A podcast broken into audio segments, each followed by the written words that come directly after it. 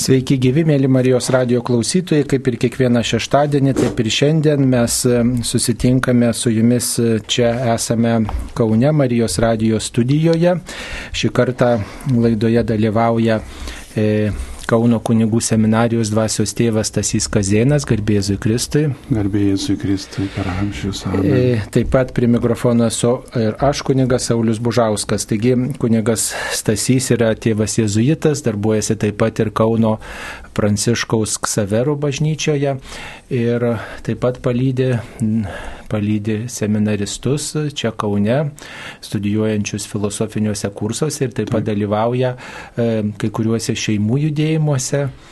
E, ir, ir palydį taip pat dalyvaujančius Ignaco e, pratybose, rekolekcijose. Taigi su dvasiniu gyvenimu susijusius klausimus galite drąsiai pateikti kunigui Stasiui ir tikrai turbūt Lietuvoje nerasim e, na, labiau išmanančio dvasinį gyvenimą, e, dvasinį palydėjimą ir taip pat e, jezuitišką dvasingumą kaip kunigas Tasys. Taigi galite pasinaudoti šią unikalią progą ir klausti štai klausimus iš jų sričių. Taigi pradedame atsakinėti jūsų atsiustus klausimus. E, turime keletą trumpųjų žinučių. Štai, e, e, štai tokios žinutės. Per nežinojimą prieš pusantrų metų palaidotam žmogui šeimos kapo ribų, nes kaime, tai palaidojom žmogų už šeimos kapo ribų prieš, pusantro, prieš pusantrų metų nes kaime senose kapinėse nėra vietos, kaip suprantu. Ar galima iškasus platesnę duobę patraukti karstą apie metrą? Labai ačiū. Štai toks klausimas. Perlaidoti žmogų į šeimos e, kapą. Ar verta judinti sakyčiau, kad nelabai verta judinti, ypatingai kai ten tik metrą reikia patraukti, yra kapinės, yra čia pat šeimos kapas, yra čia pat, žinot, kartais iškasa duobę ir, ir netelpa tas kapas, tai palaidoja tiesiog į tako pusę, pusę žmogaus beveik, ar ten kaip kitaip ir, ir tada mina tą kapą, bet, nu tai tokia kitaip neišeina, tiesiog mes pagarbiai tą žmogų palaidojam ir, ir pastatytas yra tikėjimo ženklas, koks nors kryžius, paminklas, melžiamės už tą žmogų, o kad ten ar ten į tą pusę palaidotas, ar taip, nereikia labai to sureikšminti. Kai žinot, žmogus būna palaidotas kažkur ten Sibirė ir tada svetima žemė, kažkaip neramu žmogui, kad ten jokio ženklo nėra, kad ten apauga mišku ir parsiveža tuos kaulus, arba ten perlaidoja iš kitų kapinių, nes jos naikinamos ar panašiai. Na tai tada kitas klausimas. O čia tuose pačiuose kapinėse svarbiausia, kad tą žmogų prisimenat, kad yra jo pavardė ar jo giminės pavardė ant paminklo iškalta išrašyta. Aš taip pasakyčiau, nebent kunigė ką pridėtumėt. Aš tai sakyčiau, kad tikrai nereikia judinti mirusio, teguls būna. Mes čia turbūt kalbame apie du tokius skirtingus momentus. Mes kalbame apie gyvųjų pasaulį, kai mes vat, norime būti kartu kartu šeima, bendrauti ir panašiai. Ir yra mirusiųjų pasaulis. Tai mes neturėtume perkelti to gyvųjų e, supratimo tokio pilno į, į mirusiųjų pasaulį. Iš tikrųjų mes pagerbėme laidodami kūną, o siela, nemirtinga siela, išeina pas viešpati ir ar truputį arčiau ar toliau bus kūno palaikai, nėra tokio didesnio skirtumo, bet kaip šventoje Augustino motina Monika sakė, man nesvarbu, kur padėsite mano kūną, svarbu, kad tu sunau mane prisiminsi prie altoriaus. Tai labai graž, gražu būtų tikrai pasimelsti, lankyti ką, kapinės, bet ypatingai yra svarbu malda, nueiti į mišes, užprašyti kartais mišes ir būkite ramus, dėl to tikrai ne, ne, nevertėtų daryti rūpeščių kažkokių ypatingų. Taip, dabar dar du keli klausimai tokie apie e, atlaidus mirusiajam. Kokia tiksli atlaidų gavimo mirusiajam tvarka, kada ir kaip tai atlikti. Ir panašus klausimas, kaip e, per šį mėnesį pelnyti mirusiems atlaidus. Ar būtina dalyvauti šventose mišiuose, ar pakanka aplankyti kapuose ir kokių maldų reikia. Taigi, mėlyjeji, atsakau, e, remdamasis dokumentais. E, taigi visuotiniai atlaidai m, mm, suteikiami mūsų mirusiems e, artimiesiems e, tokiomis sąlygomis. Štai tas buvo galima padaryti lapkričio antrą dieną ir tada lapkričio visą pirmąją savaitę nuo pirmos iki aštuntos dienos. Bet popiežius atsižvelgdamas į dabartinę e, pandemiją ir visokius sunkumus kviečia ne tik tai tuo metu, bet ir visą lapkričio mėnesį pasinaudoti tokią unikalią galimybę pelnyti visuotinius atlaidus mirusiems. E, dabar kaip reikia tą atlikti? Tai pirmiausiai tokios yra sąlygos. Pirmiausia, reikėtų apsilankyti kapinėse tiesiog arba apsilankyti bažnyčioje ir paprastai prie visų, ypač senesnių bažnyčių, yra kapas koks nors, vienas ar keli kapai. Ir tiesiog staptelti prie to kapo ir pasimelsti ne tik už ten palaidotą žmogų, bet jeigu, reiškia, prisiminti ir kitus mirusius, savo artimuosius ar kitus mirusius, va, ir, ir taip pat E, taip pat pasimelsti sukalbant tėvę mūsų, tikiu Dievą tėvą ir aišku, būtinai pridėti amžiną atilsi reikia. E, taip pat dar kita sąlyga, tai yra jeigu mano sąžinė nerami, jeigu ne, tikrai turiu sukių nuodėmių, reikia atlikti išpažinti. Jeigu išpažinties esu neseniai buvęs ar buvusi, tai tada išpažinties nereikia. Svarbu, kad neturėčiau sunkių nuodėmių ir nebūčiau prisirišęs prie lengvų. Ir taip pat reikėtų priimti šventąją komuniją. Šventąją šventąją komuniją priimti tą dieną arba artimiausią progą. E, va.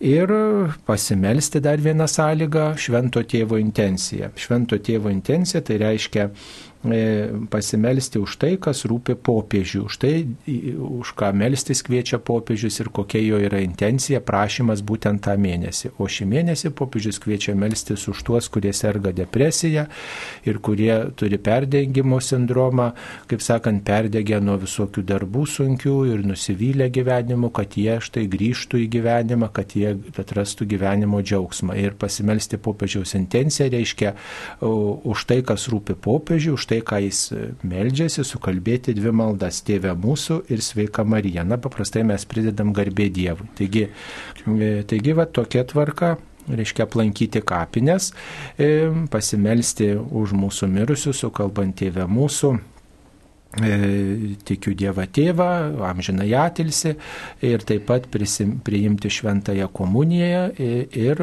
taip pat pasimelsti už tai, kas rūpi popiežių, už tai, e, už ką meldžiasi popiežius. Ir tą galima padaryti visą lapkričio mėnesį. Atlaidus skiriame vieną kartą per dieną, galime laimėti visuotinius atlaidus ir juos skiriame už mūsų mirusius artimuosius. Tegu viešpats paskirsto, kam labiau jų reikia. Taip. Čia dar galėtume prisiminti šventąją Faustiną, kuri ypatingai melzdavosi užmirštančius ir žinome, kad gailestingumo vainikėlį sukalbės bet kada, ne tik lapkričio mėnesį galime ypatingai jeigu kalbame prie švenčiausių sakramentų, galime laimėti atlaidus. Bet dar norėčiau drąsinti, kad mes ne, nemastytume tik tai, kaip dabar mirusiam padėti, bet mūsų turbūt visų turėtų būti didesnis rūpestis formuoti krikščionišką gyvenimą ir rūpintis iš anksto, ypatingai kai susirga žmogus ir pakviesti kunigą ir, ir lydėti maldą Taigi labai svarbu yra mūsų kasdienis krikščioniškas gyvenimas. Tada ir mūsų mirtis būna Dievo palaiminta ir dangaus laukia mūsų ateinančių.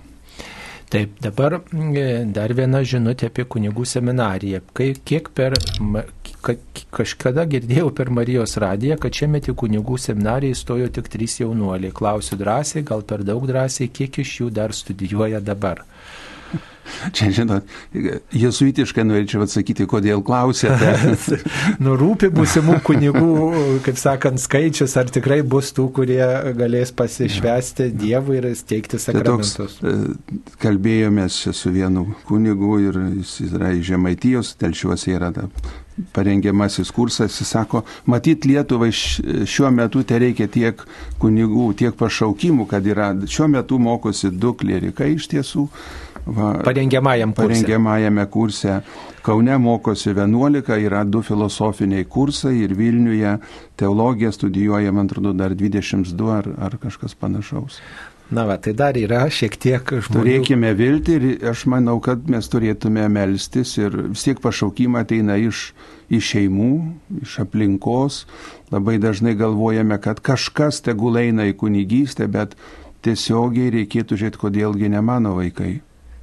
Ir tada tos, tam juos ruošti, auginti ir pavyzdžių, ir, ir padrasinimu ir panašiai.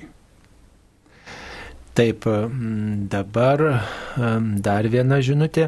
Bažnyčios kelbimų lentoje radau plakatą, kad kitą šeštadienį, lapkričio 13, prasideda Vilniaus aušros vartų atlaidai. Ar tai jau paskutiniai metų atlaidai Lietuvoje, kiek pastebėjau, šie atlaidai kuriam laikui turės pakoreguoti Marijos radio programą. Šventosios mišios prasidės 11 val. Valandą anksčiau negu įprasta mišes transliuoti per Marijos radiją. Visiškai teisingai, jūs labai gerai pastebėjote ir e, tikrai labai gražiai primenate, kad e, nuo e, 13 dienos jau prasideda aušros varto atlaidai vakaro šventomis mišiomis, o nuo 14 val. jau ir m, keisis truputėlį Marijos radio programų tinklelį. Šventosios mišios bus aukojamos 11 val. užros vartose ir mes jas ir transliuosime. Taigi ne 12 val. galėsite jungtis į šventasias mišes, bet 11 val. ir taip pat 10.30 bus rožinio malda.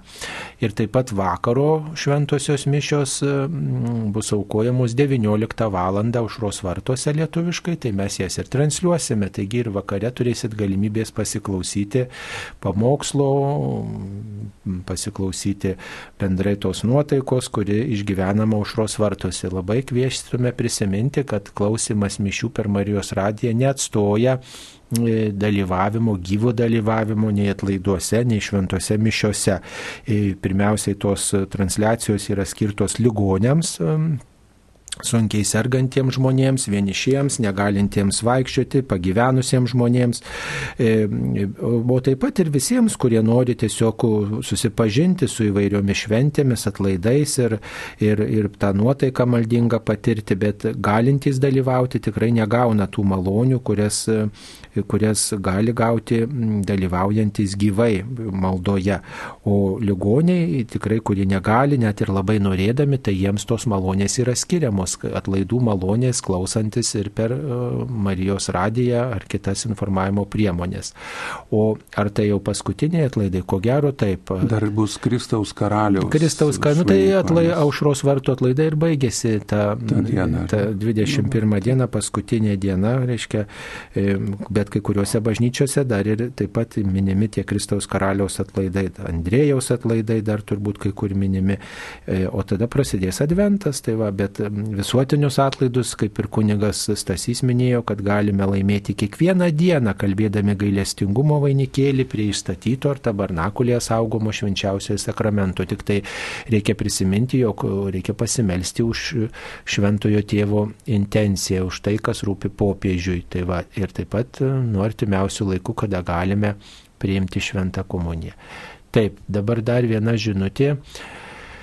Ar Dievas veikia per vaizduotę? Štai jezuitai remiasi taip pat ir vaizduotę.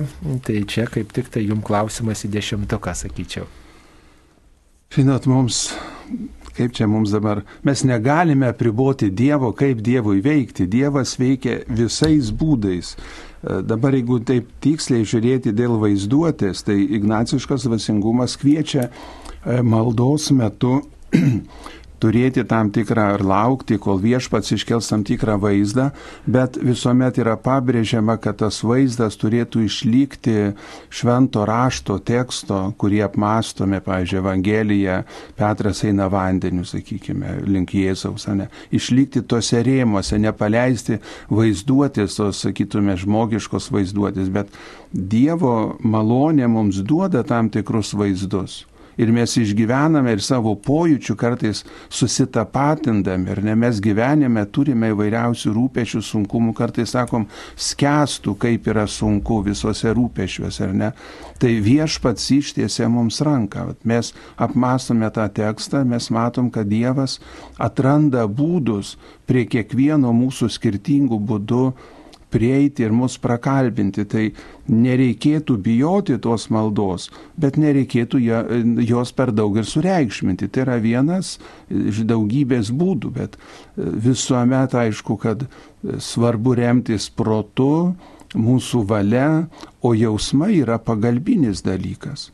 Lygiai taip pat ir vaizduoti Dievas per ją tikrai gali kalbėti, bet visuomet yra gera saugoti savo vaizduotę ir nepaleisti jos vat, įsivaizdavimais. Aš taip įsivaizduoju, aš taip įsivaizduoju, bet žiūrėti, kaip konkrečioje situacijoje čia ir tai susijęta su švento rašto tekstais. E, tai labai gerai yra, kaip sakant, šventą raštą skaityti ir e, savo vaizduotę tarsi jungti. Ne? Ir, ir geriau mes tą šventą raštą suprantam, juk visi matėm, kaip atrodo e, ežeras, ką reiškia skęsti, ką reiškia vat, pamatyti tokį neįtikėtiną dalyką, kad kažkas eina vandeniu tiesiog, na tai vat, mūsų vaizduotė kartais tai pranoksta, bet kartais ji gali padėti. Labai priartina mus, sukonkretina atskirus įvykius. Taip, ačiū. Daugelie bažnyčių uh, klausyklos langeliai yra apdengti plastiko, ar tikrai tai sukelia daug nepatogumų. Yra laukiančių žmonių iš pažinties ir tikrai kunigas negali garsiai kalbėti, ką daryti senam žmogui, kuris gal neprigirdė man pačiai ne vieną kartą Tiesiog reikia taip įtemti klausą, kad galėčiau išgirsti kunigo pamokymus ir kokią atgailą paskiria. Gal yra kitokių būdų, kaip šią problemą įspręsti. Gal galima tas plėvelės nuimti, o kunigas sukaukia ir čia bijima užsikrėsti. Tai įvairių būdų yra pats geriausias būdas, tai būtų va, uždarame kambarėlėje susitikti, bet vis tiek reikėtų ir kaukės ir tas saugumo priemonės naudoti. Dabar ant klausyklų uždėta, aš manyčiau, todėl, kad tiesiog nu, būdas apsisaugoti.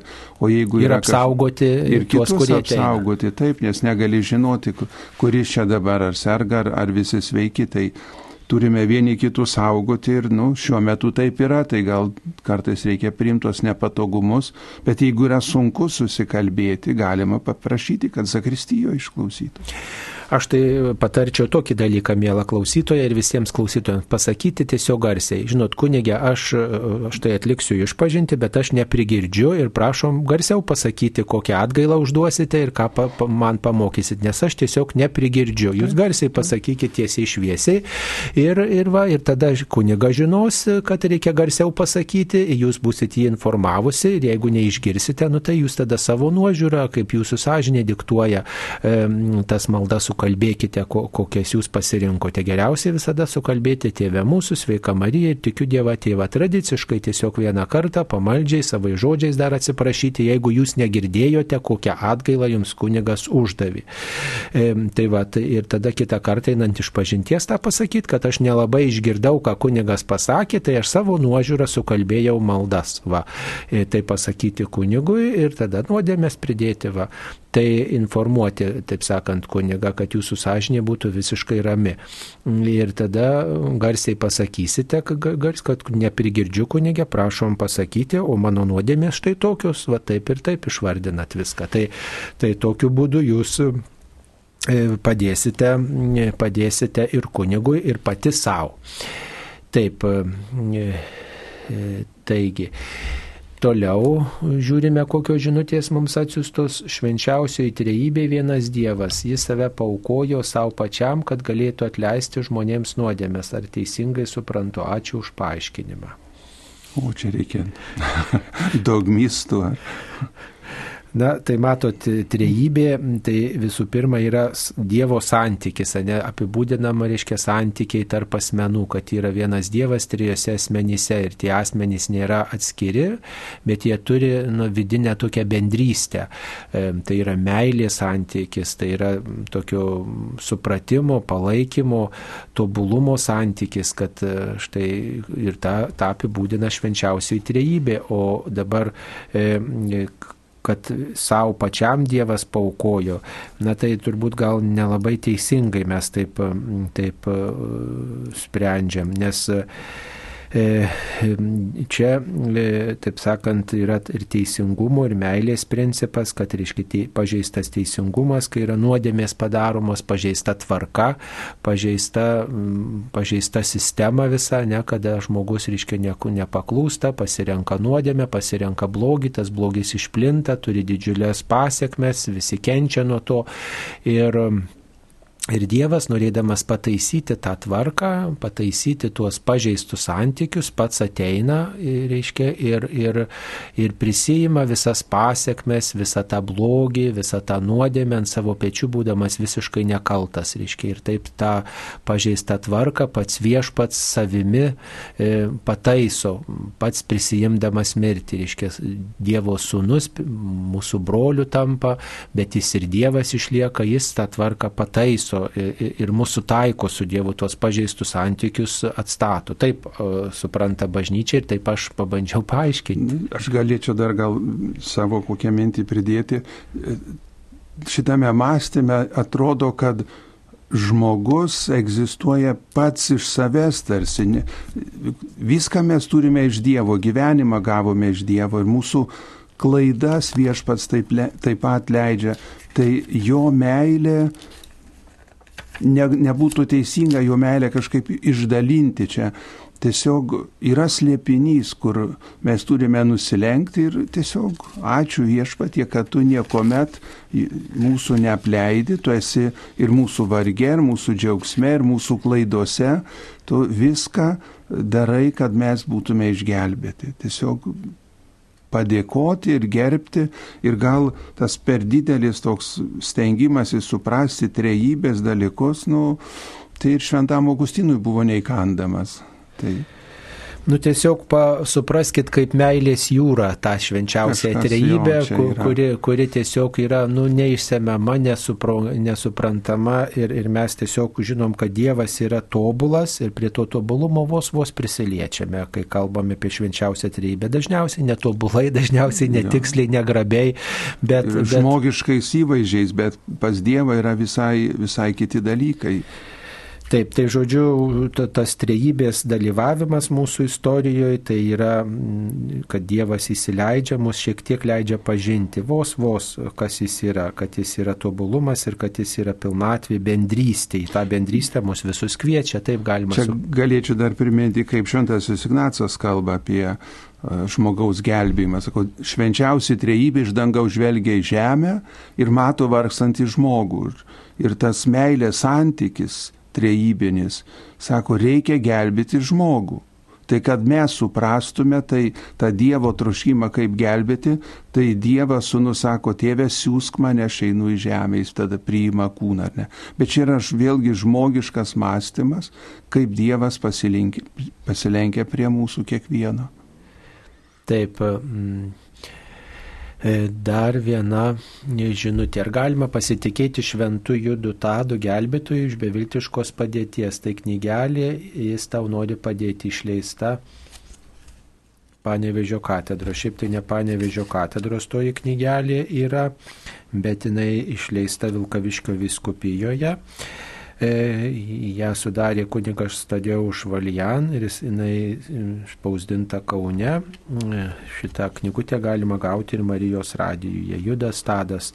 Taip jis yra nuo seno gerbiamas kaip Jėzaus apaštalas, kuris gyveno pačioj krikščionybės pradžioj, pats, paties Jėzaus buvo pašauktas ir nuo senų laikų bažnyčia jį pagerbė kaip tą, kuris gali padėti nelaimingiems, vilti praradusiems ir beviltiškose situacijose esantiems. Kaip tik toje knygelėje yra malda, e, malda mm, e, esantiems beviltiškoje padėtyje, taip pat Dievo palaimos prašymas, šeimos malda, ligonio malda, visa litanija ir taip pat patariama devindienį kalbėti devynias dienas tiems, kurie atsidūrė sunkiose situacijose ir yra įvairiausių liūdėjimų, kad tikrai žmonės išsikapstė. Tai patarėme melstis ir, ir patirti tą reikalingą pagalbą mm, ir taip išvengti įvairiausių nelaimių ir puoselėti pamaldumą į šventuosius ir ypač šitą apaštalą. Žinoma, kad reikia prisiminti, kad jei melžiamės ar į Judatadą, ar į kokį kitą šventąjį, tai ne tik tas šventasis, bet pats viešpats per tą šventąjį mums, gelbsti ir stiprina mūsų tikėjimą. Ar kunigė jums teko kada melstis į Judatadą? Tai vienas iš dvylikos apaštalų, ne, negalime apeiti niekaip norėdami ir pirmame kanone prisimename visuomet mišiose. Taip.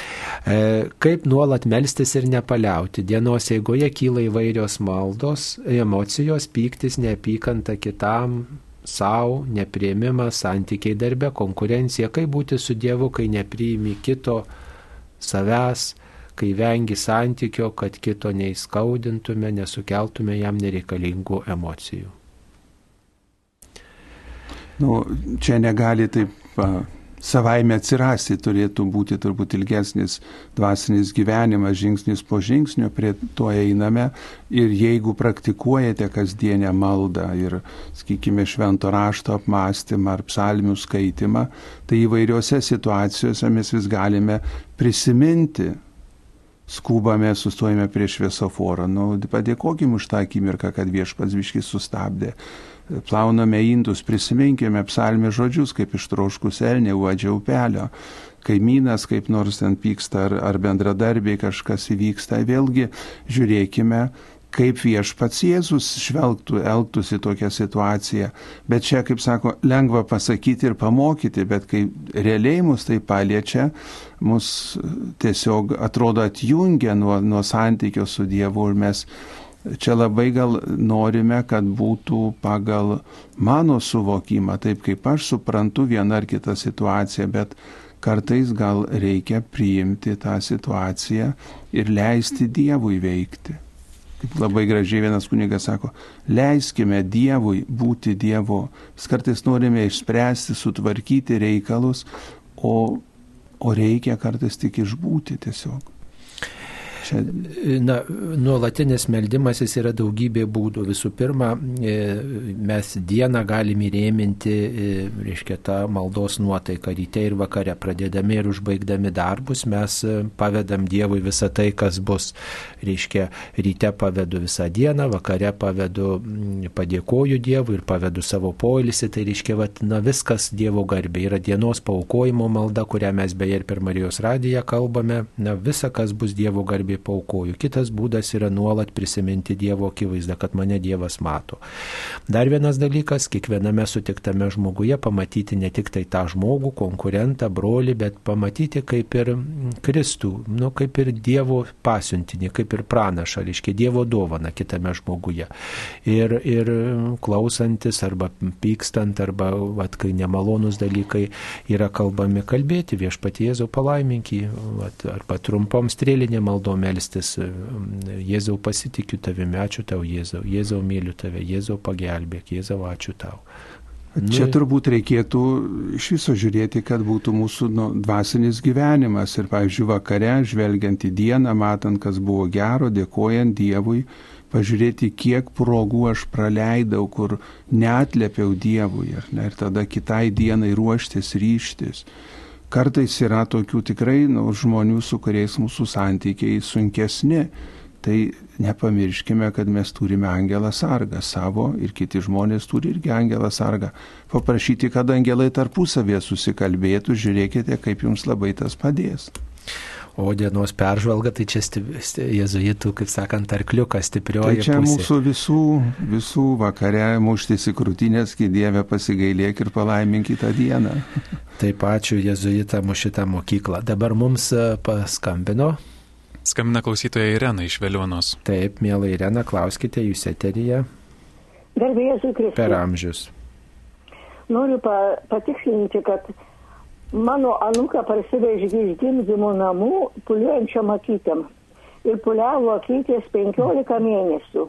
Nu, girdėjom, kad reikia melstis, bet kažkaip nesiryžom. Bet kaip jo 15 mėnesių kaip puliavo, tai tada pasiryžo melstis į šventą Judą Tadą, dukra meldėsi net du kartus per dieną, aš, aš taip pat, taip pat, bet visą mėnesį, balandžio 20 pradėjo melstis, gegužės 20 dieną dar iš rytų puliavo, o paskui praėjo ir praėjo iki šio laiko. Taip, kad melskitės, tikrai, tikrai padės. Ar padėkojot Judui Tadui ir Dievui už... Aš to 20 metų dabar melžiuosi, dėkojama. Nu, va, nepamirškim Nuostabu. padėkoti, padėkoti Dievui už jo globą, už tai, kad e, viena ar kita nelaimė pasitraukė. Nu, va, ačiū už liūdėjimą, mėla Irena. Tikrai, va, tie, kurie bejojate, turit progą išgirsti, kad, reiškia, yra žmonių, kurie šitą pamaldumą puoselėjo. Gerai. Toliau žiūrime, kokios žinutės mums atsiustos. Na, dar klausytojams vis neaišku, ar atlaidams pelnyti gailestingumo vainikėlį reikia kalbėti 15 val. ar galima ir kitų laikų. Na, matot, 15 val. yra Jėzaus mirties valanda. tą valandą pagal, reiškia, švento rašto liūdėjimą mirė Jėzus, ne? Ir Faustina sako, kad tą dieną, tą valandą ypatingai, va, na, taip sakant, žmogus gali viešpatį tiesiog um, įsileisti, atjausti ir sulaukti malonių, vat, parodydamas tą valandą solidarumą Dievui, kad, reiškia, prisimena, yra em, toksai žmogus, kuris atminti gaivina ir kuris prašo, šaukėsi Dievo ir masto savo gyvenimą, santykių su juo, tai ta valanda ypatingai tokia brangi. Bet iš tiesų atlaidus galima pelnyti ir kitų laikų. Ir kitų laikų tik tai svarbu, kad melstumėmės prie švenčiausio sakramento ir kad e, nu, nebūtume prisirišę prie jokios nuodėmės ir artimiausių laikų priimtume šventąją komuniją. Aš dar pridėčiau, kad ne visuomet yra galimybė nu, bažnyčioje prie švenčiausio melsis, bet gal pirmas dalykas iš viso pradėti melsis gailestingumo vainikėlį. O laikui bėgant e, tos sąlygos koreguosis ir pamatysite, kad tai taps tokia brangia malda, kad nebus sunku nei 15 val. ir paskui ir, ir galbūt ir prie švenčiausio sakramento melsis, bet pirmiausia tiesiog pradėti susidraugauti ir jausti, kad tai yra man pagalba kiekvieną dieną. Taip, tai trumpa malda, tai tikrai galima ją pasinaudoti. Mums paskambino. Skambina klausytoja Ona iš Alitaus. Taip, onute, klauskite. Taip, taip, klauskite, onute, jūs eterija, girdime jūs.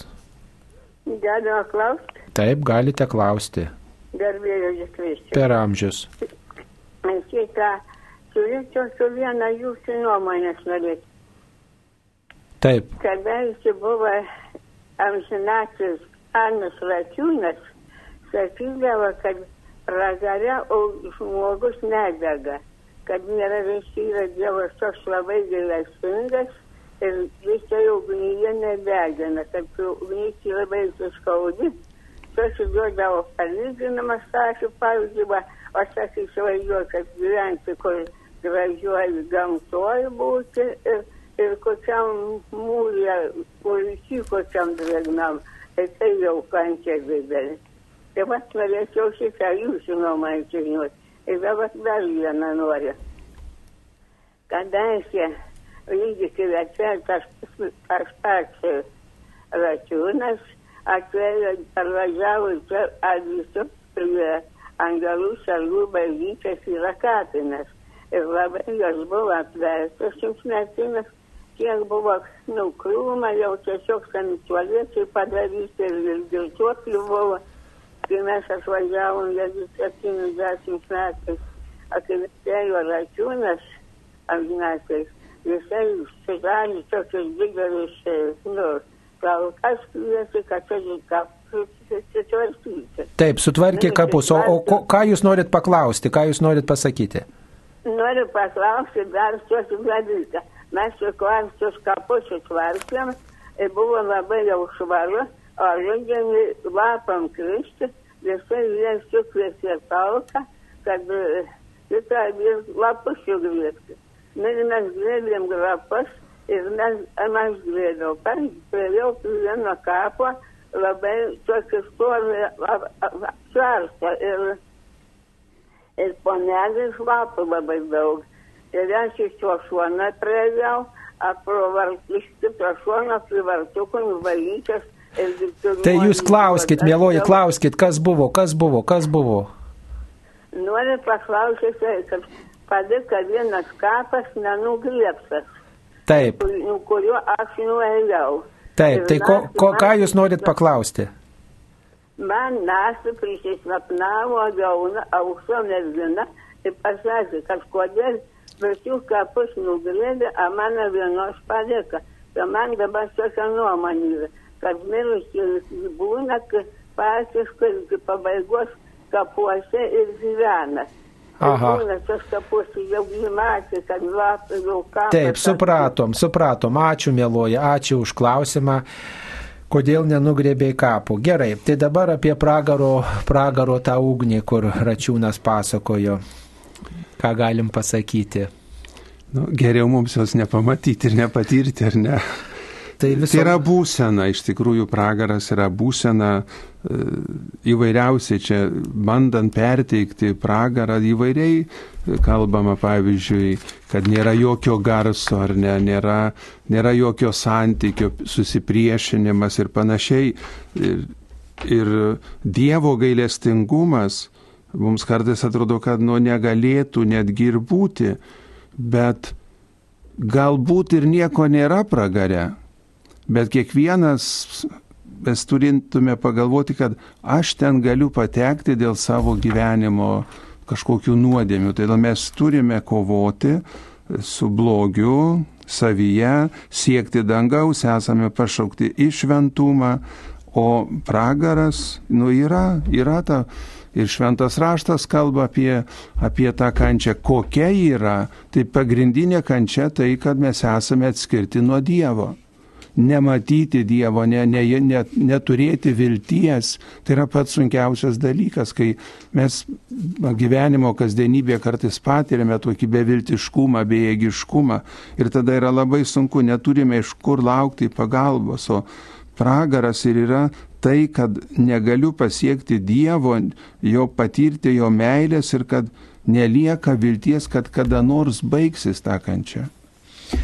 Nu, matot, ugnies, ugnies įvaizdis yra ir šventajame rašte, pavyzdžiui, Evangelijoje pagal matą e, parašyta, kad, e, žodžiu, kas savo broliui sako e, piktai ten, žodžiu, smerktinas į, pra... Taip, tas smerktinas į pragaro ugnį. E, Geriau būti, reiškia, taip pat e, maždaug išlupk savo akį, nes geriau vienakiui įeiti į dangaus karalystę, taip. negu su abiem akim būti mestam į pragaro ugnį. Ir nu, taip pats Jėzus yra apie tai užsiminęs. Tai yra kančios įvaizdis, kan, nes ugnis, kai, pavyzdžiui, prikiši pirštą, nudegina skauda mm, va, ir, ir tai yra tas kančios įvaizdis. Ar nelabai gerai žmonėms suprantama kančia, ka- kas yra, ką reiškia degti. Jeigu, pavyzdžiui, kas nors girdėjot, kaip, kaip šaukia, reikia žmogus, pavyzdžiui, papuolęs į gaisrą, kaip, kaip dega mašinoje, avarijoje kokioje arba namie gaisras kyla ir žmogus užsidega, tai tiesiog šaukia, klykia, reikia, vartosi. Tai yra didžiulė kančia, tai čia yra švento rašto toks įvaizdis. Kalba apie kančią, reiškia buvimas be Dievo, buvimas e, nuodėmių pasiekmėjai, nuodėmių visoje akivaizdoje, blogio visoje akivaizdoje yra didžiulė kančia, vat mes tą suprantame. O dabar mm, apie tą kapą, štai moteris nenugrėbė vieno kapo, mm, nenugrėbė lapų nuo kapo ir patyrė sapną mm, ir, žodžiu, klausimas, kodėl nenugrėbė kapo. Tai reiškia, e, galbūt mirusieji mato ar kažkur netoliese gyvena, kaip čia e, galima paaiškinti. Gal čia tiesiog nereikėtų į tą labai gilintis, kad būtų ramesnė širdis, tiesiog pasimelskite už mirusius ir tiek, ir, ir palikite ramybėje. Gal dabar toks metas, lank, kapų lankymai, tai tada ir, ir sapnai galbūt ateina tokie, bet čia to tikrai nereikėtų sureikšminti ir aš manau, kad kunigas Račiūnas e, tikrai labai išmintingas, garbingas kunigas, tai jisai ten va, organizavo ir darė gerus darbus, o dabar jūs prisimenate, kad gerus darbus darėte, nu, va, tai dar, dar palidėkite maldą tuos žmonės, kurie ten sulaidoti. Ir Nu, yra visokių liūdėjimų apie tą, reiškia, mūsų, kai kapus lankom, reiškia, perspėję mirusiai, visą kitą mes, kaip sakyti, žinot, neturim jokių paliūdėjimų e, apie tikrumą tų dalykų ir visada malda, tikėjimas šitoj vietoje mums yra didžiulė pagalba, nes mes, kai melžiamės, mes Dievą įsileidžiam į visus tuos sapnus, į visą tą santykį, į visą tą tikrovę, kurios negalim nei patikrinti, nei kontroliuoti. E, tai tikrai, jeigu prisimenate tą moterį, jūs sukalbėkit mišė, maldas Malda. ir taip pat, jeigu turit galimybę mišiose, prisiminkite, užsakykite mišes, štai už, už, už jūsų intenciją užmirusius, va paprašykite, taip suformuluokite ir jeigu net ir vardo neprisimenat ar ką, tai reiškia, prisiminsit, va štai tą žmogų, kurio, prie kurio kapo tiesiog neturėjot galimybės ilgiau staptelėti, tiesiog va ir taip pagalba bus tam žmogui. Va, taip, mums paskambino. Skambina klausytoja Lilija iš Vilniaus. Taip, klauskite. Garbėjus į Kristui. Aš dėl sekmadienio vakarų iš Kaišėdorių koplyčios, kai transliuojama adoracija, už praeitą sekmadienį nesulaukė palaiminimo, ėmė ir išjungė, paleido savo muziką studiją. tai be dešimt šešios buvo dar. Praeitą sekmadienį tik palaimino ir vėl išjungė tai aš tai prašyčiau, kad neskubėtų išjungti, juk ten ir gėdama, ir iš karto mišios būna. Tai norėtųsi, kad tie gražus vakarai nebūtų taip, nu, nutraukiami. Nu, suprantu, kad jūs, reiškia, nenorit nutraukti, bet supraskite, kad yra ir kita programa, ir, ir kažkokia gal yra laida ar panašiai, ir, ir svarbiausia, kad yra palaiminimas, ir tai palaiminimas paprastai reiškia pabaigą e, apieigų, ir, ir aišku, po to dar yra gražu, kai žmonės, pavyzdžiui, bažnyčioje neskuba, bet pasilieka, būna kartu, šiek tiek dar pabūna, apmasto, pasimeldžia privačiai.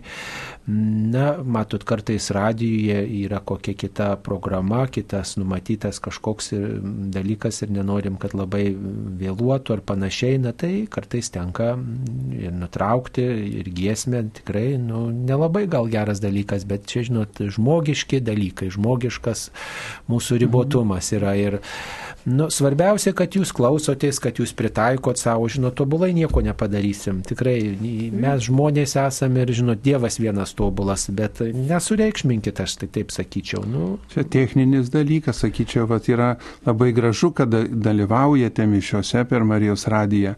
Tai yra tam tikra prasme nu, bendruomeninė malda, bet po to labai svarbu dar turėti tą individualią maldą ir va kaip kunigas Saulis sako, kad iš tikrųjų tada dar reikėtų pasilikti savo individualioj maldoj, nu ir, kaip sakytų, priimti tai, kitų pastangas daro, ką gali, o, o mes irgi iš savo pusės padarykime tiek, kiek galime.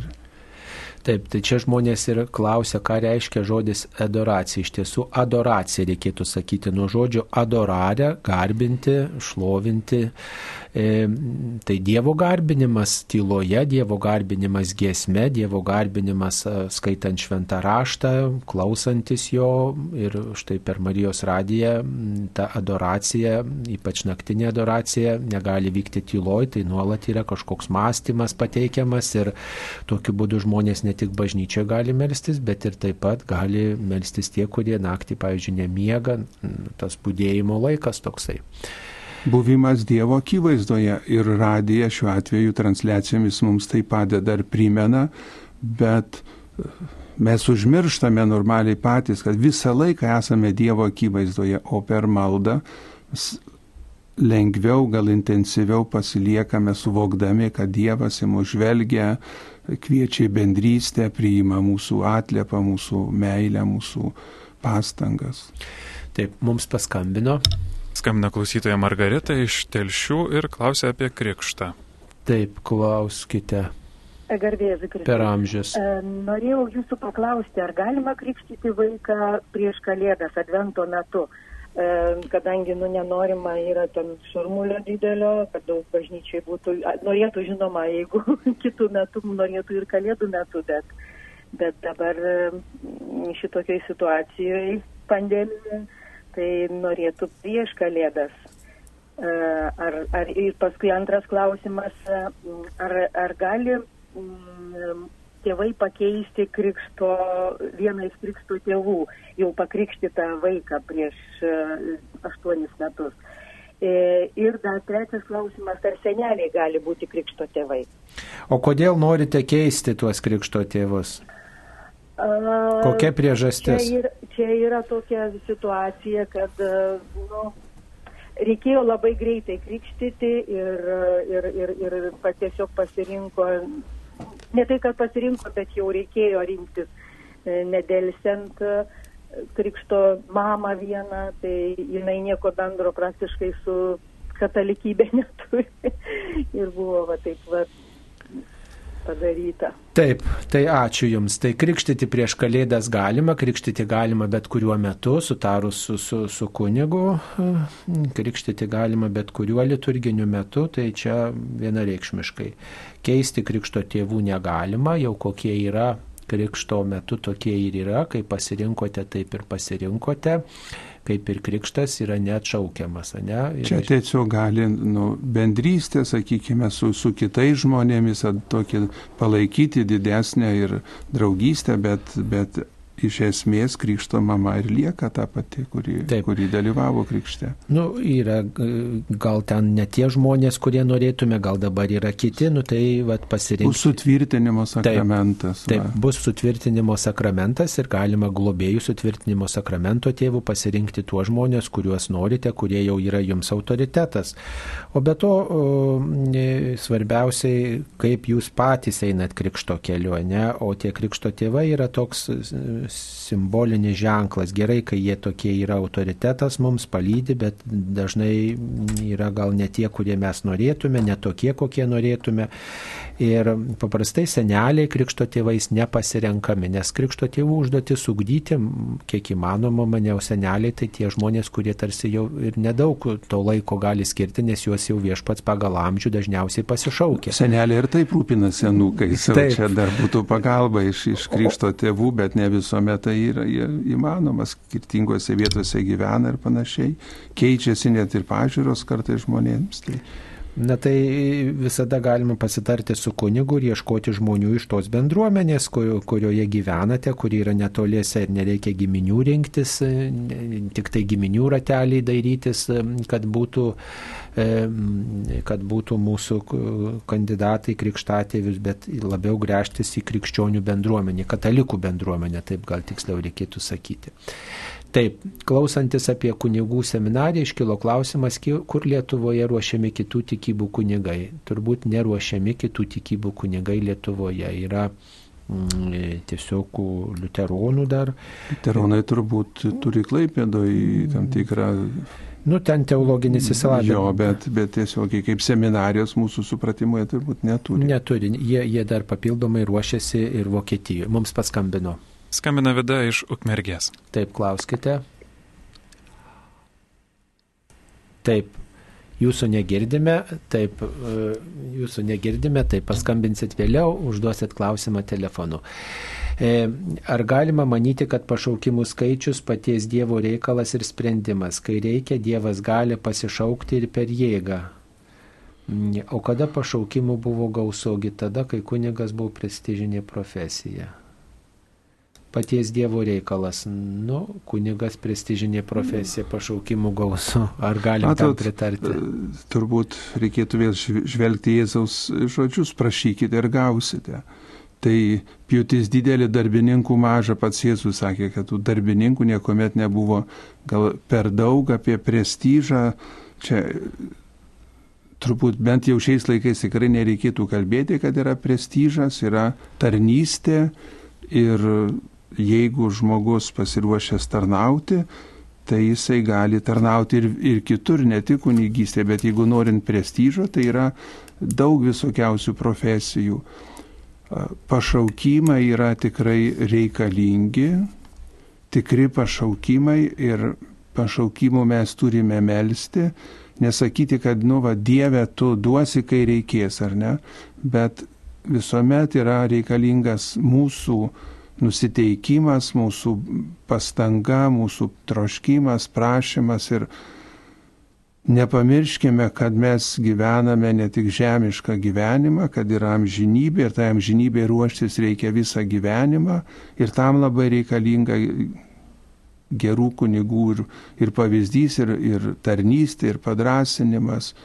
Tai nenustokime melsis už pašaukimus ir į kunigystę, ir į vienuolynus, moterų vienuolynus, vyrų vienuolynus kartais atrodo tų, tie žmonės, kurie viešai nesirodo, pavyzdžiui, ar ten paparčių, ar paštuvos eseris, jų malda neša didžiulį indėlį į bendrą dvasinį gyvenimą. Nors viešumoje kažkokio paštalinio darbo atrodytų nedirba, bet tai melskime, kad Dievas neapleistų, duotų mums naujų, brandžių, tikrų pašaukimų. Taip, dėl maldų užmirusius. Dvi dienas meldžiausi mišiuose, o toliau dėl asmeninių priežasčių negalėjau. Ar jau nutrūko meldimasis užmirusius? Ne, nenutrūko, jūs tiesiog teskite. Visą lapkričio mėnesį galima melstis užmirusius, kaip ir kalbėjome. Visus metus iš tikrųjų. Taip, ir gyvus, ir užmirusius melskimės. Taip, dabar kalbame apie rekolekcijas. Kodėl ir kaip atstato tvarką mumyse rekolekcijos. Kodėl? Kodėl? Todėl, kad mes patys, patys savyje patiriame dažnai tokio nu, netvarkos, apsileidimo, apsiblausimo, viskas nebeįdomu. Jeigu kalbėti apie ignaciškas rekolekcijas, tai pirmas dalykas yra daug tylos. Tyloje mes atpažįstame, kas mumise vyksta, kaip Dievas e, veikia, kur link kviečia, ir leidžia tyla mums išsigryninti, kur yra mūsų tokie, sakytume, nu, silpnumai, suklupimai, kur, ką turime sustiprinti savyje ir pamatome, kad Dievas ateina mums į pagalbą. Taip, mums paskambino. Skambina klausytojas Stanislava iš Veisėjų. Taip, Stanislava, klauskite. Garbėjai Kristui. Per amžius. Aš turiu tokį klausimą ir nežinau, ar tai gerai, ar tai blogai.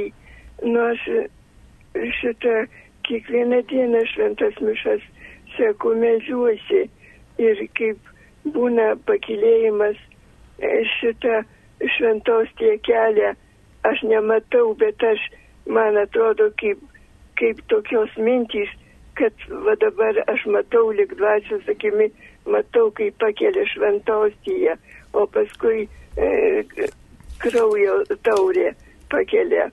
Tai ar tai gerai, ar tai man kaž, kažkaip tai kitaip mąstyti. Nu, tai vienas klausimas, paskui kitas tokis klausimas.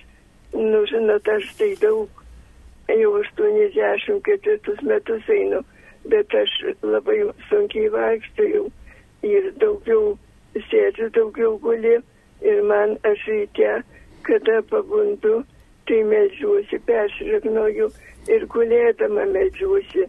Daug paskui jau keliuosi, Marijos valandas kaip gėda, tai tada jau apsirengiu ir keliuosi.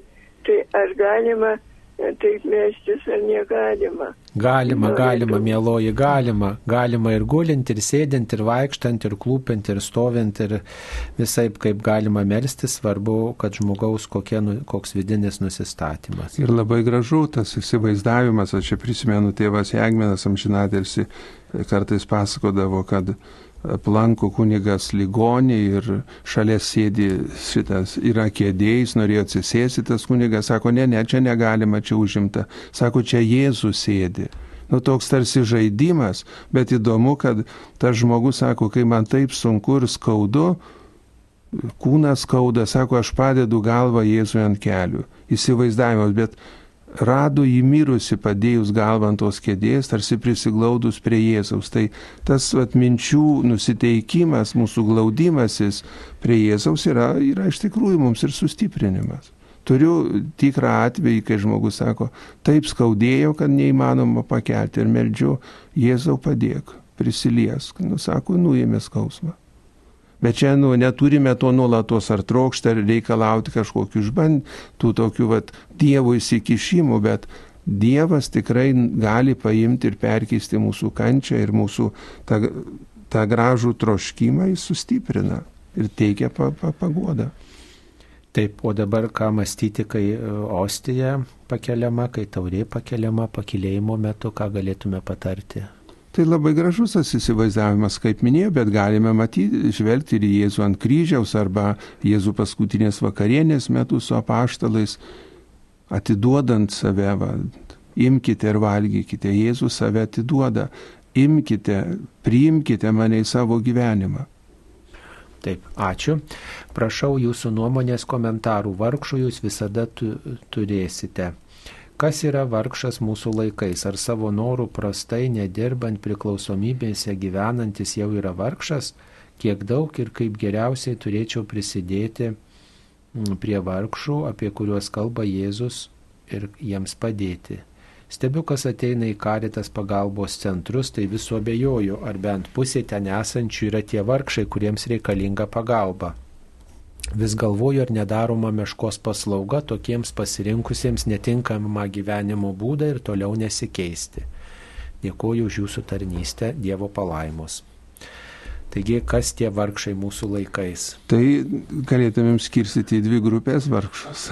Tie, kurie iš tikrųjų neturi, nu, sakykime, maisto, kurie gal ir priklausomybės vargina juos, tai vienas būda vargšai, kiti vargšai, kurie gal labai gerai pasiturinčiai gyvena, bet neieško ir nesiekia dangaus karalystės, kurie Dvasinių gyvena, dalykų. gyvena tik tais va naudodamiesi įvairiausiais gėriais, bet kai pradedi kalbėtis, pamatai, kiek ten yra to vidinio dvasinio vargo. Tai ko gero šitiems vargšams yra dar sunkiau nueiti į dangaus karalystę, nes atrodo viską gali patys, viską savo gali leisti, bet vidinės ramybės ir Dievo pagarbumo nerasta pas juos. Nu tai ta žmogus irgi vargšas, kuris, kaip jūs sakėte, ateina į karitą ir apsimeta gal ir turi priklausomybę, nu tai va jis ir yra vargšas žmogus, aišku, pirmiausia, jo nesmerkti, ką jūs galite padaryti. Padėti tai jau čia toliau, bet pirmiausia, nesmerkti, nesijausti kažkuo tobulesnė, geresnė, geresniu už tą žmogų, kuris turi priklausomybę. Nu tiesiog pagalvoti, kad nu, va, žmogus tikrai va, turi iššūkį gyvenime, turi iššūkį ir tikrai tai yra jo kryžius vienai par kitaip. O O kam jūs padėsite? Nu tai čia jūsų kūrybingumo reikalas. Popiežius Pranciškus va, dažnai vartoja tą žodį, būkite kūrybingo tikėjimo žmonės. Tai Savo giminiai pirmiausiai pažiūrėkit, tarp savo kaimynų, savo darbe pažiūrėkit, kas yra tas silpnesnis žmogus, kurio iš, kiti, iš kurio kiti juokiasi, šaiposi, menkina, kuriam reikia skirti laiko, žmonės kiti vieniši yra, o jūs skirkit laiko, pavyzdžiui, savanoriaukit ir prisidėsit prie, prie įvairiausių iniciatyvų, įvairiausių iniciatyvų. O kad norėti, kad tas, ta, ta, tą vargšą tenais išauklėte ar panašiai, jūs prisidedat iš solidarumo, parodot širdies tokiam žmogui, o, o ar keistis ar nesikeisti, tai čia jau ta žmogus sprendžia. Ir svarbu, kad nebūtume teisėjai. Kiek galiu, tiek prisidedu ten, kur matau reikalinga. Taip. E, dabar dar viena žinutė, ar Marijos radijas transliuos per atlaidus gėdamą katistą. Mm, na, nežinau, paži, pasižiūrėsime, dar nesuplanavome šito dalyko. E, taip, dabar koks jūsų požiūris į Šventojios Brigitos maldų pažadus? Pažadų itin daug, uh, už nedaug maldų. Na tai daug ten maldų, bet jas reikia kalbėti gana ilgai. Tas maldas daugybę metais, metais yra tokia, tok, toksai tokia tradicija. Na, popiežius Benediktas XVI yra mm, kalbėjęs apie šventąją Brigitą ir kalbėjęs, žodžiu, kvietęs tiesiog įsižiūrėti ir apmastyti Kristaus kančią, kadangi šventoji Brigita gavo tam tikrų tokių pažadų ir, ir pamaldumą puoselėjo į Jėzaus kančią, Jėzaus žaizdas.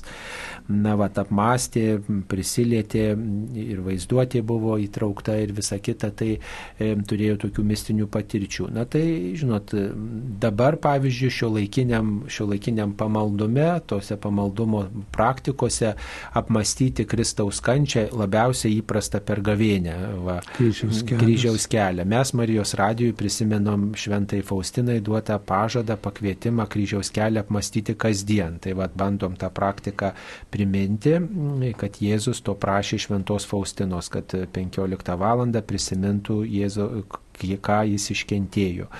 Na va, tai, tai gal kažkam ir tos Brigitos maldos yra svarbios. Nu, įvairūs tie pamaldumai yra, kas jie įvai patvirtinti bažnyčios, kas randa juose peno, maisto, tas juos praktikuoja. Svarbu turbūt ta ištikimybė, nuoseklumas. Va.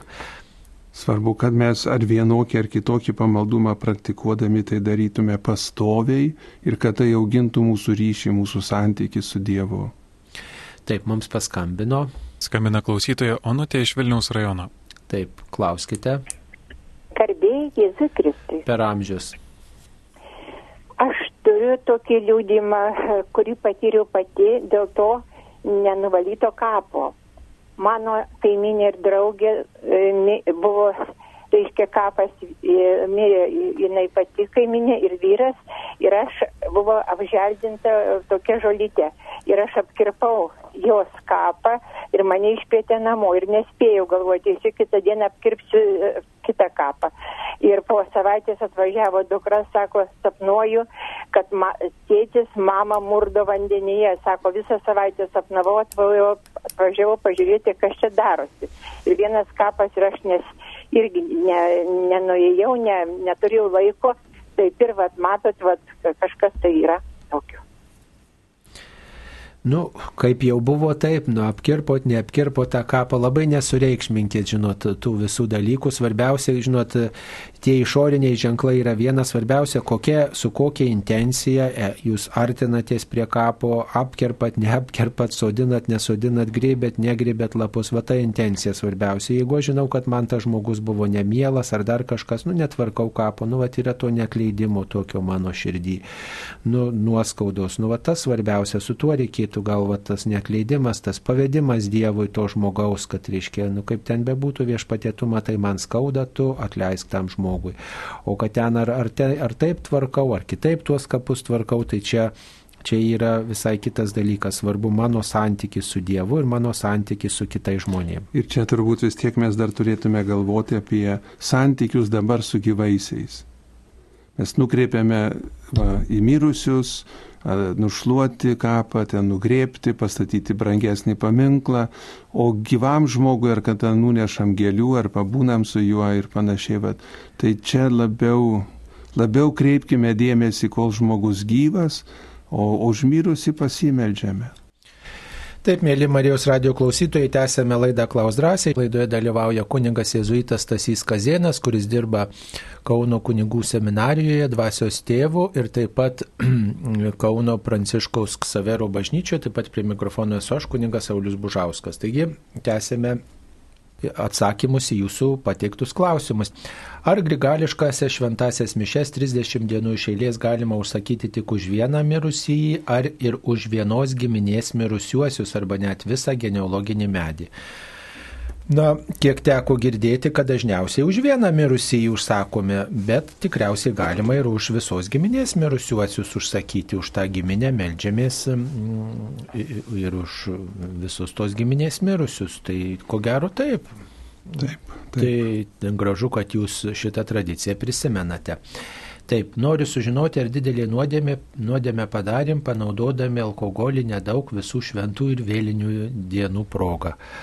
Na, Nu, jeigu su jumoru atsakant, tai la, jeigu labai sušalote ir truputėlį paragavote, gal nereikėtų čia žiūrėti labai į nuodėmę, bet, bet esame kviečiami gyventi samoningą gyvenimą. Ne, ne, ir nu kiek tas nedaug, matot, kiek tas nedaug. vienam nedaug pasižiūrėti, kitam nedaug.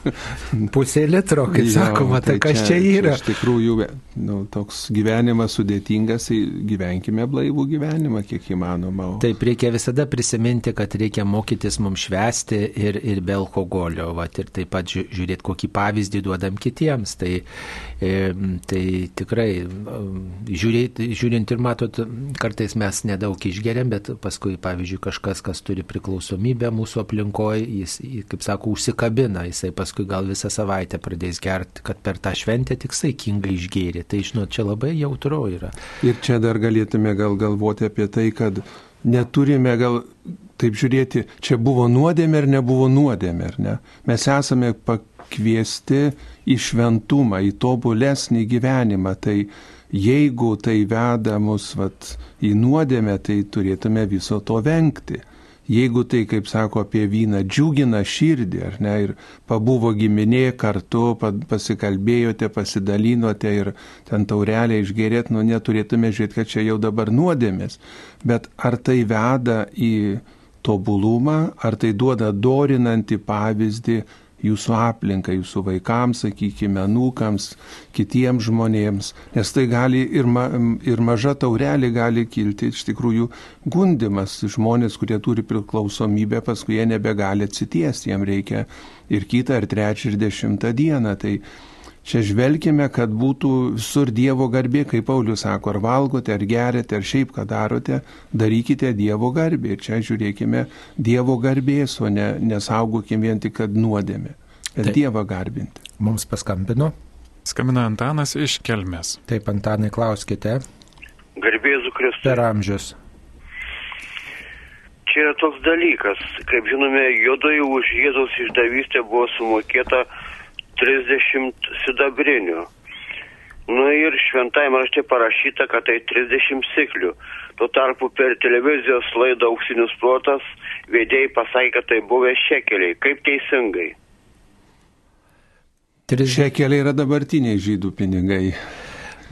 Taip, tai Nu, matot, ar čia svarbu, tiesiog dabar, žinot, reikėtų ten truputėlį gal paanalizuoti daugiau, jeigu jau norite tikslumo, čia e, bendrai pasakysim, čia yra simbolis, ne, kad žmogus tiesiog pardavė, pardavė, ne, ar ten tokia tai tokie pinigai ir tokie čia reikėtų labiau tą prasme išvelgti. Ne? Mes vis tiek kartais mes į tą žinojimą daugiau sudedam, ne? daugiau sudedam negu kad į, į tą prasme. Ne? Kad reiškia, mes pardavėm savo santykį su tuo žmogu, mes parodėm, kurio nemėgstam, kuris turi būti nuskriaustas, kuri, kuris turi būti paniekintas. Va, tai, tai svarbiausia šitoje žinioje. O ar ten e, bus drachmos, ar šekeliai, ar, ar, ar, ar, ar talentai talentai ar dar kažkas čia jau, žinot, yra netoks reikšmingas klausimas, čia daugiau e, ką tai reiškia, Vat aš tai taip maždaug traktuočiau. Ar įmanoma išpirkti kaltę, jei esu nuskriaudusi jau mirusi žmogų, ar nuolatinis mano verkimas ir pergyvenimas nepakenks tam mirusiajam? Čia tiesiog reikėtų turbūt už tą žmogų pasimelsti ir gal miršes užprašyti, jeigu yra didesnė skriauda, čia priklausomai dar gal didesnė skriauda yra giminės, galbūt reikėtų atlyginti tada giminėms ir panašiai. Čia jau asmeniškai kalbėtis gal su vietos kunigu. Taip, su savo dvasios tėvu, bet to reikėtų arba, arba nuodėm klausiu šitai aptarti. Koks turėtų būti krikščioniškas požiūris į savo praeitį, kaip elgtis, jei artimieji vis primena, kas vyko prieš 40 metų. Nu tai artimieji, jie, jie kaip sakant, myga, spaudžia E, liečia tą skaudžią vietą, kuri, kuri buvo, o jūs pirmiausia, jeigu tai buvo klaida, reikia tai atlikti, išpažinti, atiduoti. Tiesiog dėl to gailėtis, kas vyko, jeigu įmanoma pataisyti, e, bent simboliškai pataisyti tai, kas vyko, ne, jeigu negaliu ištaisyti kaip reikiant, va, ir išdrysti savo atleisti turbūt, ne, nes Dievas man atleido, jeigu aš gailėjausi ir, ir, tiesiog atlikau iš išpažinti, išdrysti savo atleisti ir ta intencija tikrai gal padaryti kokį gerą darbą, o kad kiti nuolat badys akės, na tai kitų nuomonė neturėtų būti mums svarbi. Tai paštalas Paulius apie tai kalba, sako, pamiršęs, kas praeitie, nes jo praeitis buvo ir, ir bažnyčia persekiojo, bet paskui tapo oliausių, oliausių paštalų ir praeitis neturėtų mums trukdyti gyventi dabar. Negalime nei į praeitį per daug koncentruotis, nei į ateitį, bet čia ir dabar ką darau. O jeigu kiti kažką sako, nu, priimkim tai kaip atgailą. Taip, mums paskambino. Skambina klausytoja Antanina iš Telšių. Taip, klauskite Antanina. Garbė Jėzų Kristų. Per amžius. Pirmiausia, dėk. Išjunkit Dėkoju, savo radio imtuvą, mėloji, išjunkit savo radio imtuvą. Gerai? Nes e, taip. Pirmiausia, noriu Sauliau kunigė padėkoti tau, kad mums senukams suteikė tokį laimę ir džiaugsmą. Ir džiaugamės kiekvieną vakarą, kad yra toks švento Juozapo ta gesmelė. Ir ilgą negaliu žymti studijas. Ir turiu tokį klausimą. Iš Lietuvos išvažiavo į užsienį. Žmona su vyru. O tėvuką lieka Lietuvoje. Ir anos dabar tas vyrs mirė onkologinį lygą. Ir tėvuką nori pasilaidoti tą sūnų Lietuvoje ir žmona nori užsienyje. Anie tą kūną sukremavo. Ir sakė, gal galima skiesti, ar galima skiesti per pusę pelenus. Mano toks klausimas. Taip, ačiū. Nu, labai jautrus klausimas. Na, tai yra tokių, tokių patirčių, pavyzdžiui, Pilsudskis taip panašiai dar tada nedegindavo žmonių, tai reiškia jo, jo širdis Lietuvoje palaidota, o kūnas Lenkijoje, ar ne? Tai yra tokių atvejų, kad žmonės dalindavo, ar ne tokiu būdu. Na ir pelenus iš dalies taip galima dalinti, taip sakant, bet sakyčiau, reikėtų kažkaip sutarti ir nusileisti gal vienai kažkuriai pusėje ne, ir, ir taip nesureikšminti to dalyko.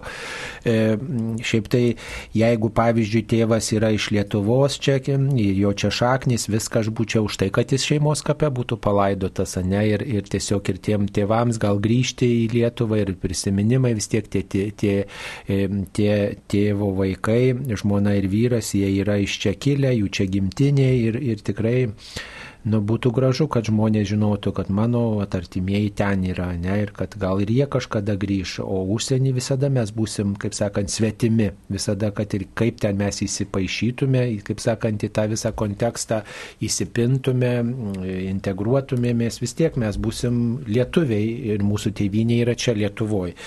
Tai aš taip pat sakyčiau, kad geriau gal taip jau už Lietuvos pusę palaikyčiau, bet šiaip tai galima iš principo tuos pelenus gražiai padalinti, bet aš nežinau, ar, ar verta tą daryti. Čia toks piški žmogiškas žaidimas pasidaro turbūt. Taip, taip, taip tai tiek taip atsakytume. Prašau trumpai papasakoti, kas yra dvasios tėvas, kada jo reikia dvasingumo kelionėje. Dėkoju, Julius. Taip, tai kada reikia dvasios tėvo ir kas jis yra.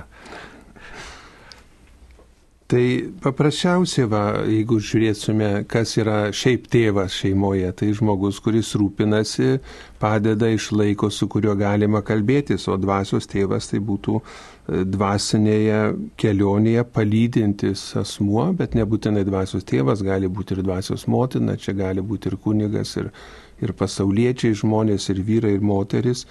Tai asmuo, su kuriuo mes galime kalbėtis apie savo dvasinius išgyvenimus, ieškojimus, patarimus ir apie savo gyvenimą, darbą, rūpestį, kaip mano gyvenimas ir mano tikėjimas susisieja, ne kad būtų vientisa, kad nebūtų čia tikintis kažkurio metu savaitės, valandą kitą, bet gyvenimo kasdienybėje, kaip mano gyvenimą formuoja tikėjimas ir patartina turėti žmonėms.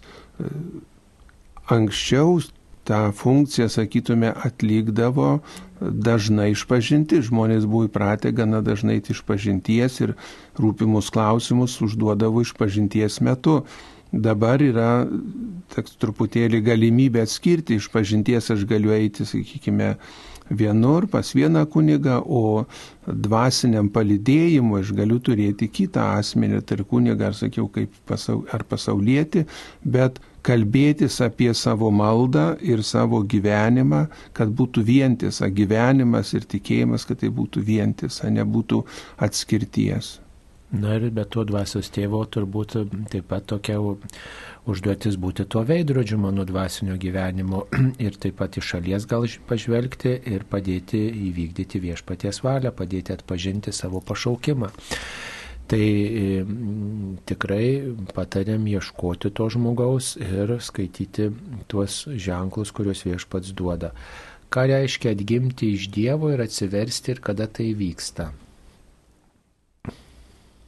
Atgimti ir atsiversti. Nu, tai atsiversti pagal šventą įraštą, keisti mąstymą, ne? Keisti mąstymą. Tai pirmiausiai reiškia mm, tas keisti mąstymą, tai na, neapsiprasti su nuodėme, o grįžti prie Jėzaus E, mokymo, prie Jėzaus žinios, prie, prie katalikų bažnyčios mokymo grįžti, nes gyvenime mes nutolstam, užsimirštam ir net jeigu ir neužsimirštam, yra tam tikras toks abejingumas, paviršutiniškumas ir nenuoseklumas gal. Ir mm, tiesiog atnaujinti artimo meilę ir meilę Dievui, tiesiog tas atsivertimas. O kada... Suvokimas, kad aš esu Dievo vaikas, Dievo mylima dukra, Dievo sunus ir, ir tą išgyventi, ne tik žinoti, bet tą dieną iš dienos išgyventi vis. Atnaujinti santyki ryšį, stiprinti jį. O kada tai vyksta, tai vyksta nuolat tas atsivertimo procesas arba mes nemastom apie tai, o dažniausiai atsivertimas vyksta, kai mes susidurėm su kažkokiom nelaimėm, dažniausiai kažkokios krizės mus atgrėžia prie Dievo, sunkumai tokie va. E, tai ir tas atgimimas į, nu, yra Dievo malonė tam tikras atsivertimas, ne? Ir tas atgimimas iš aukšto Dievo dovana, kaip ir tikėjimas yra Dievo dovana, bet kartais mes patys galim prisidėti arba išprašyti to iš Dievo. Suprasti, kodėl aš gyvenu, koks mano gyvenimo tikslas. Taip, mums paskambino. Skambina Kseveras iš Pasvalio rajono. Taip, Kseverai, klauskite, labai gražus vardas. Pranciškus Kseveras yra jezuitų globėjas. Pranciškaus bažnyčia, jezuitų. Taip, Kseverai, klauskite. Alio.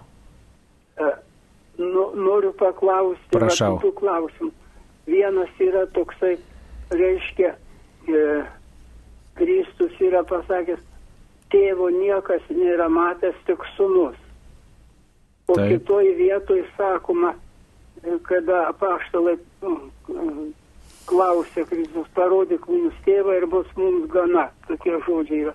Tai Kristus atsako, jau šitiek laiko esu su jumis, o jūs sakote, parodyk mums tėvą.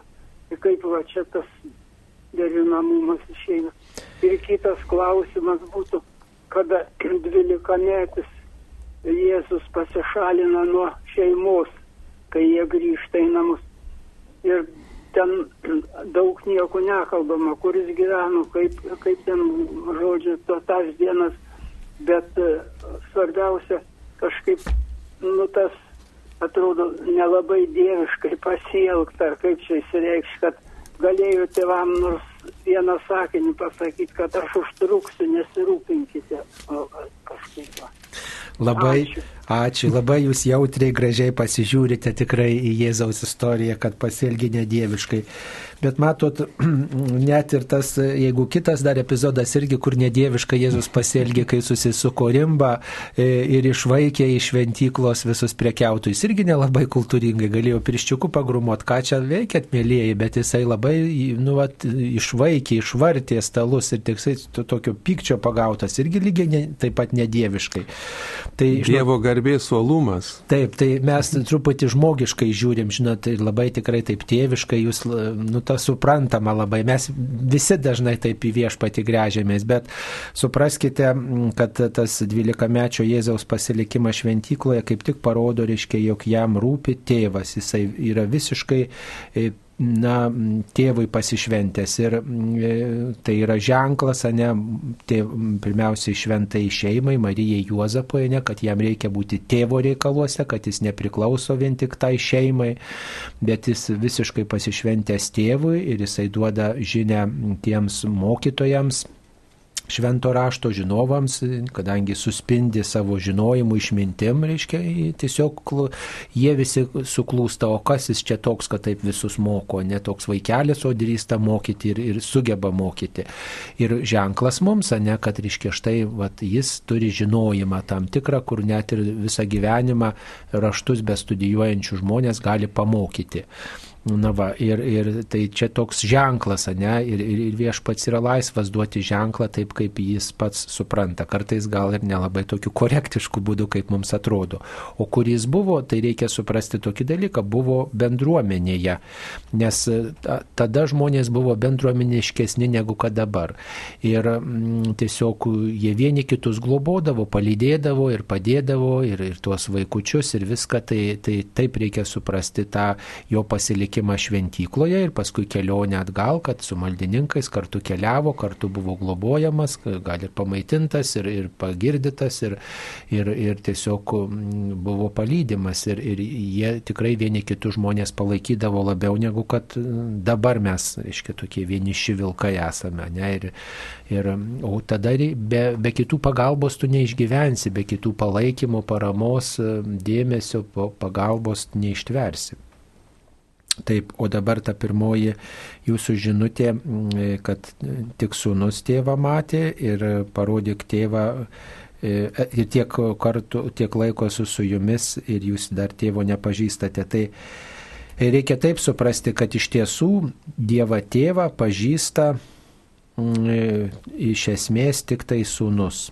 Sūnus Jėzus Kristus, Dievo sūnus pažįsta, bet e, sūnus Jėzus Kristus mums tėvą atskleidžia savo gyvenimo istoriją. Aš esu kelias, tiesa ir gyvenimas, reiškia kelias pas tėvą esu, ne, ir mes laikydamiesi Jėzaus jo žodžio klausydamiesi, jo palyginimų klausydamiesi, pagal jo žodį gyvendami mes suprantame, koks e, yra Dievas, ne? nes tą Dievą apibūdinti žodžiais labai yra sunku net pačiam Jėzui kaip žmogui, ne? nes į tą žmogišką kalbą reikia e, perteikti, reiškia, koks yra Dievas ir tai yra neįmanoma. Dėl to Jėzus pasitelkia įvairius įvaizdžius, pasakojimus, istorijas. Palaidūno istorija. Taip, įvairias istorijas ne, šeimininkas ten, tėvas ir vairiais būdais, ne, pasakoja, koks yra tas Dievas. Taip, kad mes bent iš dalies galėtume suprasti, koks yra tėvas. Mums atskleidžia tėvą, ne, ir pats jisai galiausiai miršta už visus parodo, ne,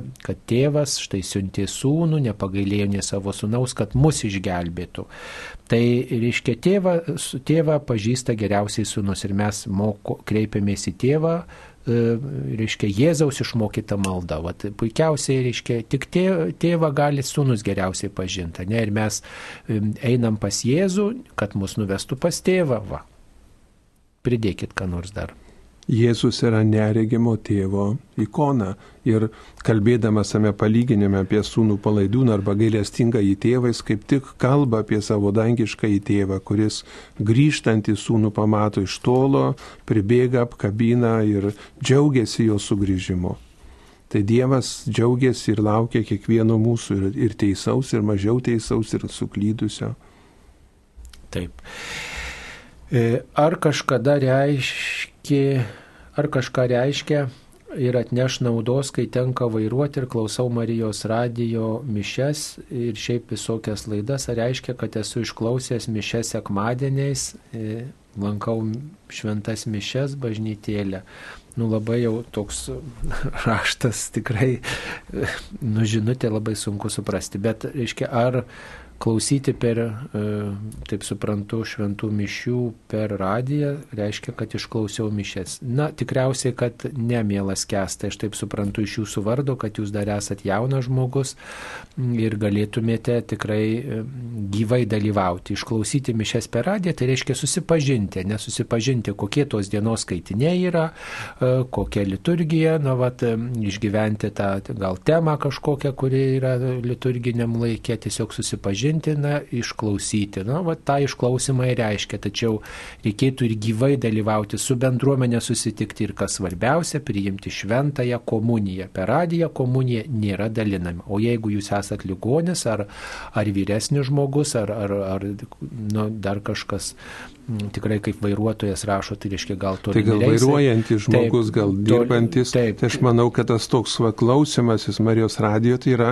didelė pagoda, kad yra mintis nukreipiamos Dievo, ar ne, taip, nėra kažkokios taip. tuštybės tuo metu, bet bet tai neatstoja tų tikrų dalykų. Jeigu galbūt pasvarstykite tą gyvą dalyvavimą, kad galėtumėt priimti šventą komuniją. Jeigu jūs negalite, tai galbūt galite vidurį dvasiniu savaitės. būdu tada priimti. Taip, bet reiškia darbas. dvasiniu būdu taip, bet reiškia reikėtų, jeigu darbas, tai gal reikėtų tada, žinot, kaip pamainom, pavyzdžiui, kas dirba, e, negali sekmadienį, tai gal tada šiokiadienį ateiti į mišes, va, tiesiog Dievui parodyti, kad man viešpatė tu rūpi ir aš tavęs alkstu ir priimti komuniją tada gyvai ypatingai kas dirba pamainomis ar visokiose tarnybose. Nu, va, tai, tai tiesiog parodom, kad man tikrai rūpi viešpats, kad aš nepasitenkinu, ai aš dirbu, ne, negalėjau ir nereikia maždaug. Taip, mums paskambino. Skambina klausytoja Marija iš Ignalio, Ignalinos rajono. Taip, Marija, klauskite. Garbė Jėzui Per Kristui. amžius. Turiu rūpestį ir noriu jūsų patarimo. Įžanga tokia, kai buvo Helovinas ir buvo mirusiųjų ir visų šventųjų dienos. Tai parapiją organizavom į e, procesiją į kapinės. Kultūros centrai ne tik, neprisid, ne tik, kad neprisidėjo, bet neužsiminė niekur. Jie organizavo, žiūriu, kad yra žinios iš visose, visame rajone tą Heloviną, tuos arbūzus demonstravo. O dabar galvoju, jeigu toliau ir tai bus, praraja didės tarp, tarp tikinčiųjų ir tų, kurie švenčia tuo, tas šventes. Dabar ateinantį mėnesį yra e, m, kalėdojimo laikotarpis. Vis galvoju, kai, su kuo čia pasitarti, kaip čia pasiūlyti, kad mes susijungtume kaip krikščionys tą tradi, tą, tai tradicijai e, plėsti ir kartu su tai žmonėms, kurie ten švenčia. Gal jūs turite ką nors patarti? Nu, matot, priešiškumo nedidinkit, sakyčiau, nu gerai, tuos moliūgus įskaptavo didelio ten daikto, nu išskaptavo parodėlę, surengė tų moliūgų išdėliojo, nu gražiai ten būna viskas. Svarbiausia, kad, žinot, nebūtų ten kažkokios dvasios kviečiamos, kad čia mes ne, nebaugintume vieni kitų, nu tokia tarsi derliau šventė iš tų moliūgų, nu ne mūsų paprotys tas, tas moliūgų skaptavimas, nu ne mūsų paprotys tas vėlės ten vaidinti, gazdinti, čia jau bandoma įdėkti mokyklose viską, bet, nu priimkite gal kaip derliau šventę. Nu, ačiū Dievui, tie moliūgai gražus, mo, moka žmonės išskaptuot, paskui gal sušers triušiam tos moliūgus ar, ar, ar, ar išvirs riubą kažkokią, nu, bendruomenė, nu, padarė, padarė, bet nu, tiesiog gal iš, iš toliau bandykite turėti tokį, tokią draugystę su tais žmonėmis, tiesiog pakvieskite juos arbatos, ar nueikit su piragėliu kokiu pabendrauti su tais žmonėmis, tiesiog vat, susirinkę parapiečiai, kurie tokie aktyvesni, kad vis tiek čia mes esam vat, viena šeima, vieni va, prie bažnyčios, kiti prie kultūros namų. Ką galim bendro padaryti? Aš sakyčiau taip, va, ką galim bendro, kokią šventę, kokį renginį padaryti. Nu daro jie savo, nu tegu daro, nu ir darys visokius ir šokius renks ir per adventą, per gavienę ten ir dar kažkokias kitos pasaulietinės šventės. Nu, jų toks darbas į pasaulietinės vertybės ne, ne, netikinčių žmonės, nesuprantat, telkia. Nu tegu telkia žmonės, bet, bet reiškia pagalvoti pagalvokit, kaip galima kokią bendrą šventę suruošti. Pavyzdžiui, miestelio šventė kokia yra tenai, ne, arba ten at, atlaidai, gal pakvieskit juos į talką kažką, kažką padaryti, ar ne, ar, ar, ar kažkokias, pavyzdžiui, kraštiečių sueiga, kaip kartais vadaro, ne, kad, pavyzdžiui, kraštiečių sueiga, iš to krašto kas kilia žmonės, ne, ir, pavyzdžiui, ypač vasaros laiku tą galima daryti, vat, iš to krašto kilia žmonės ir, ir pasidomėkit, ką kitos bendruomenės bendruomenės tuo daro, bus numanykit bendrą programą, numanykit, kad bus, reiškia, vat, mišios, po mišių kultūrinė programa, kas norės iš jų ateis, nenorės, neteis, bet, reiškia, jūs vat, bendrai kažkaip darot, paskui su neštinės vaišiais bendraujat, kalbatės. Nu, svarbiausia, žiūrėti, kas mus jungia. Kas mus jungia dabar, čia bus gal, vat, taip, advento tas laikotarpis. Nu, per adventą paprastai būdavo žmonės kažkokius ilgais vakarais kažkokius darbelius daro, ne?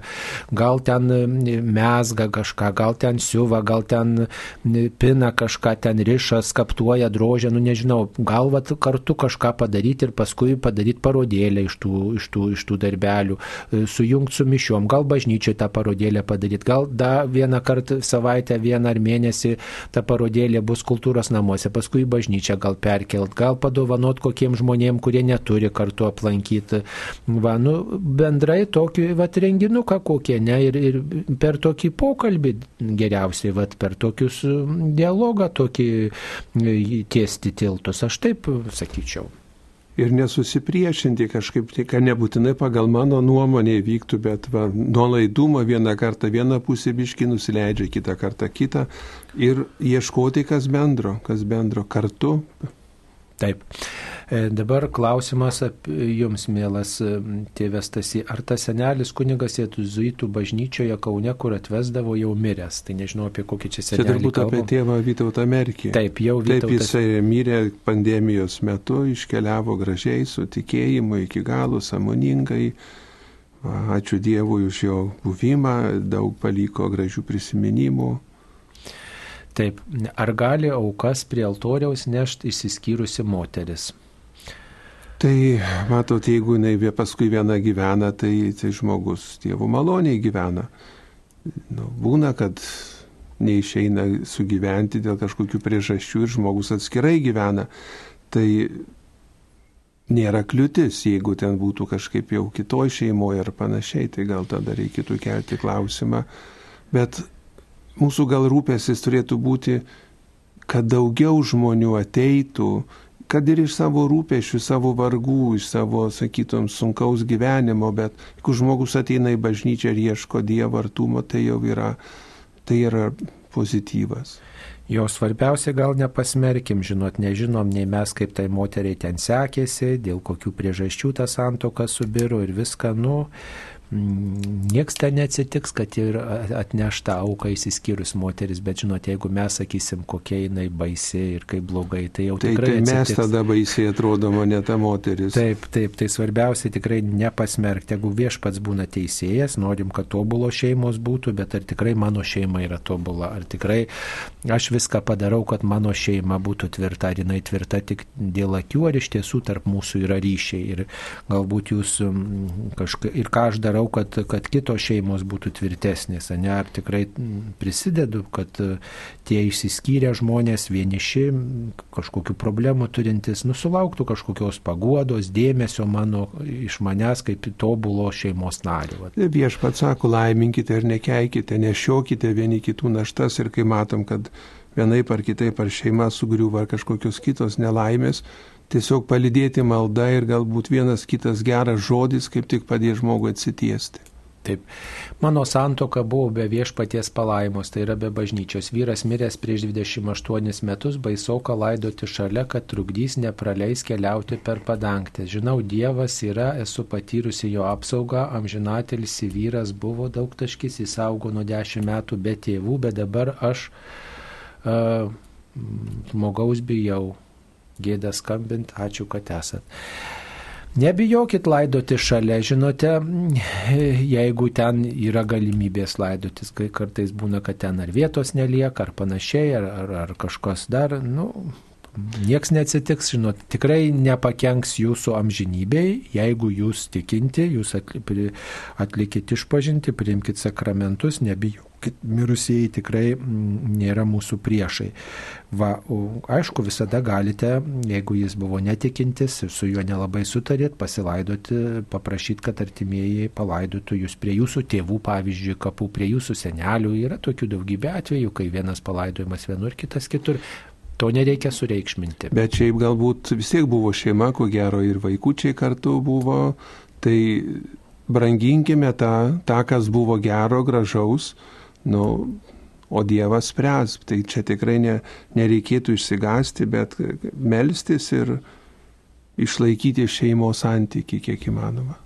Taip kodėl Šiluvos deklaracija yra pasirašę tik nedidelė grupė žmonių, kaip paskatinti žmonės pasirašyti. Taigi buvom surengę laidą apie Šiluvos deklaraciją, kodėl ji tokia yra, kam ją e, kam ją reikia pasirašyti ir tikrai galite susipažinti su Šiluvos deklaracija internetinėme puslapyje šiluvosdeklaracija.lt Kodėl pasirašė? Nu, tai dėl to, kad daug tos informacijos, dėl to, kad žmonės gal abejingi, panašiai, nei šilta, nei šalta daugeliu, todėl ir nepasirašo.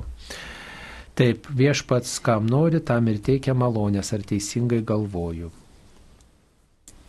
Viešpats myli visus, viešpats visais rūpinasi ir svarbu, kad mes atsivertume ir priimtume jo teikiamą malonę.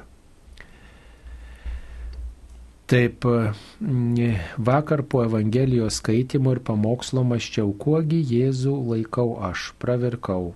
Galimos sėkmės garantų, komforto, ramybės talismanų, meilės dėkingumo dėja trupiniai, kaip keisti save ir santyki su Jėzumi.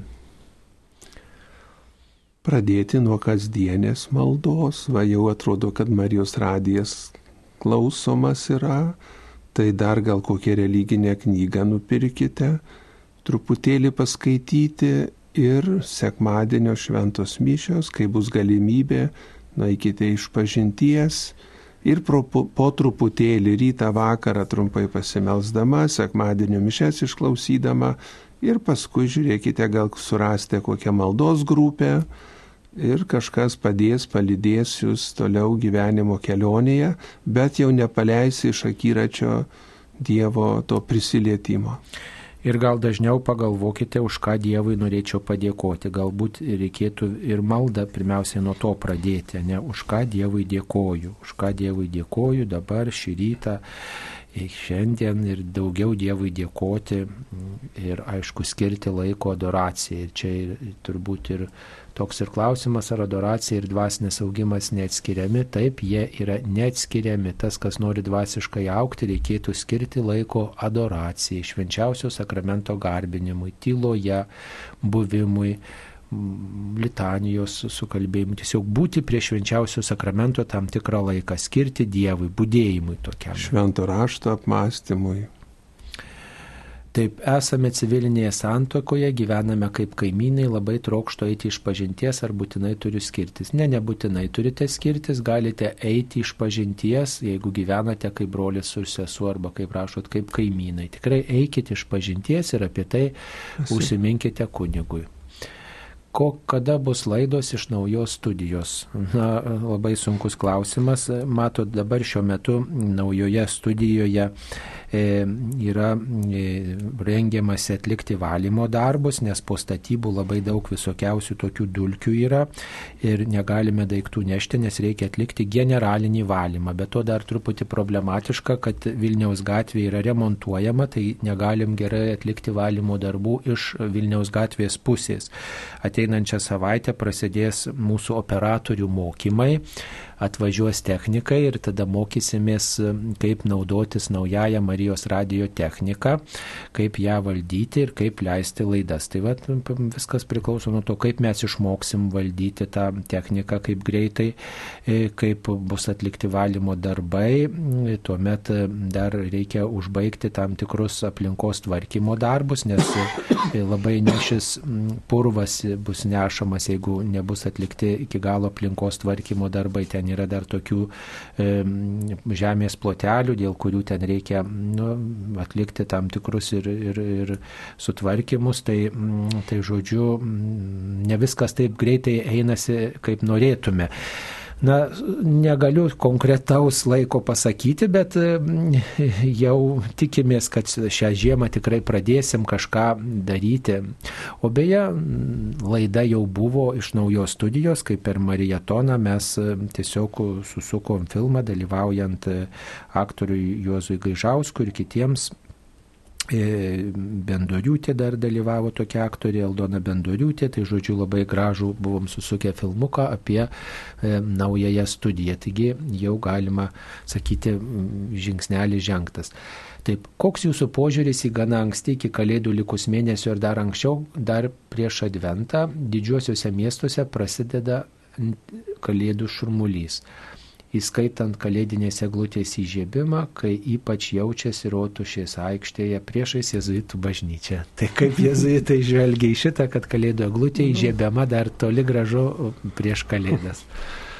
Tai čia kaip ir visi mes tą patį matome, bet iš tikrųjų tai čia yra nu, vartojimo kultūros ženklai. Čia mes nieko negalim nei, nei pridėti, nei atimti, nei kažką pakeisti, bet jeigu mes nepradėtume pirkti visų tų kalėdinių dovanų ir panašiai, tai gal nieks ten neskubėtų ir, ir Maksimos ar kitur prekiauti, bet Tokia kultūra vartotojiškai Nu, nu, įsivyravo. nu, nusipirkėm ir iš anksto, nieko čia blogo, kad nu, iš anksto nusipirksi dovanėlės, nereiks grūstis eilėse prie, prie kaip sakant, prie, prieš pat šventės, tiesiog ką galima nupirkti ar dovanėlę, ar ką kažkam.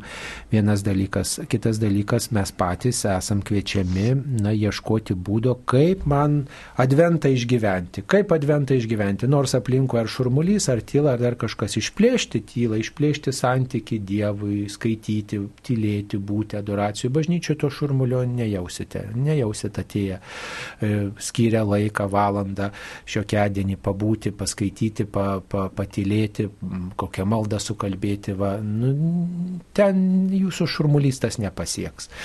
Taip. Ar galima prieš penk- 35 metus palaidotą žmogų kremuoti ir perlaidoti į kolumbariumą? Sakyčiau, nėra reikalo. Kam į tą kolumbariumą laidoti žmogų prieš 35 metus? Supraskite, kad e, jau tie audiniai, kai kurie žmogaus yra mm, žemė pavirtę, tai jūs ten tos kaulelius, kad perlaidosit, kas nuo to pasikeis. Ar, ar ten norit panaikinti tą kapavietę, tai va priežastis įdomu kokia.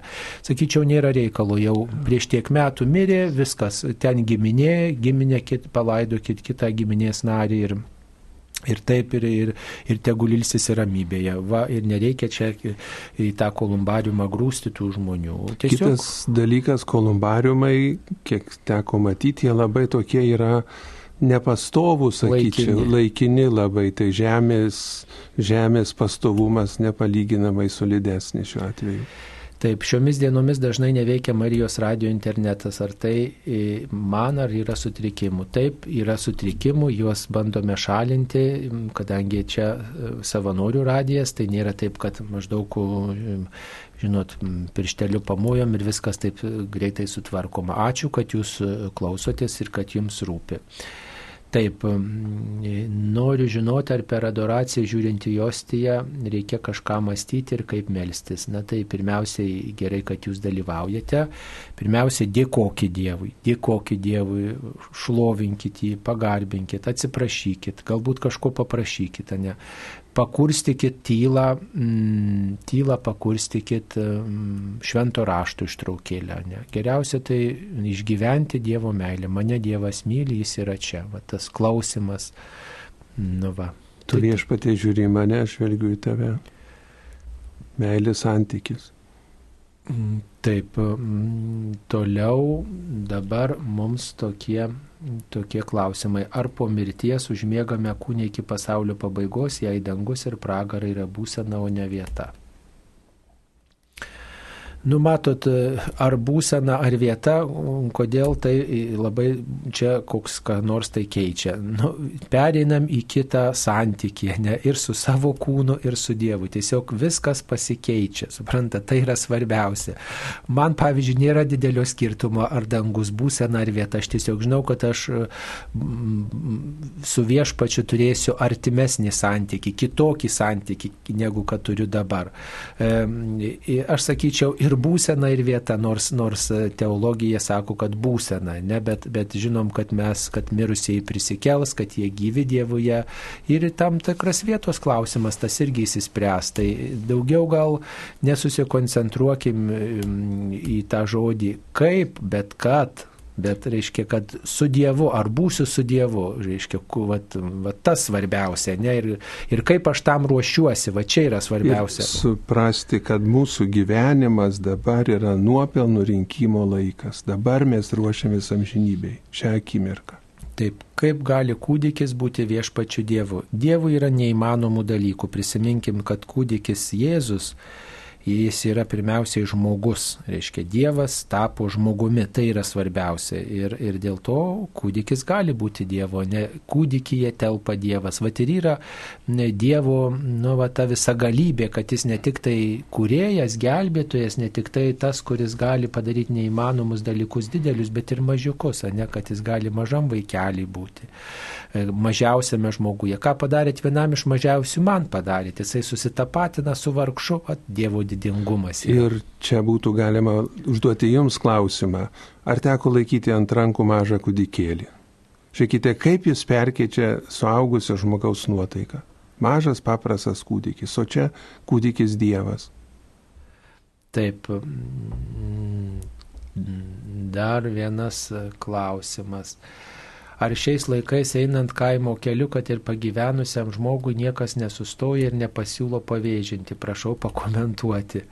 Nu ką čia komentuoti? Susvetimėję esame ir už tai vieni kitų nepavėžinam, net kaimo keliuku. Bet tiesą pasakius, net ir kaime teko būti, štai einant vasarą kaimo keliuku, štai nepažįstami žmonės sustoja ir pasisveikina. Tai man tas gražu buvo. Tai kur, žiūrint, kur jūs pakliūsite, tarp kokių žmonių. Ką manot apie apsireiškimus ketur naujienos kaime Šakių rajone? Ar aiškinasi, kas pasveikimus, ar tikri jie buvo? Na tai pirmiausiai ketur naujienos tie apsireiškimai yra Vilkaviškio viskupijos, taip sakoma, teritorijoje, tai čia Vilkaviškio vyskupas, kurie jo bendradarbiai yra už tai atsakingi, kad, kad būtų aiškinamasi tie pasveikimai ar nepasveikimai. O šiaip tai yra vyskupo konsekruota e, koplyčia, vadinasi, vyksta sielovada, kunigas palydė, o tuo prieiškimų tikrumas ar netikrumas, na, paliktas ištirti ateities kartoms. Tai e, Vienas dalykas, kad ten truputį e, visi tie prieiškimai yra paugę visokiais keistais truputį dalykais, tokiais netikslumais, Tai žinoma, kad piktasis bando tuo pasinaudoti, tačiau teko man asmeniškai pažinoti Neliukę Matijošaitenę, susitikti su ją, bendrauti. Tai tikrai buvo pamaldus žmogus, pasišventęs žmogus, ištikimas žmogus ir kas galėtų paneigti, kad ji turėjo tam tikrą Dievo patirtį, ne Dievo artumo patirtį, paraginimą, paskatinimą, nu, kuri, kuris buvo kažkaip perteikiamas ir kitiems žmonėms. Tai, va, e, tai nu, aš tai taip žiūriu, palieku palieku klausimą atvirą. Tikrai e, žiūriu į tai kaip į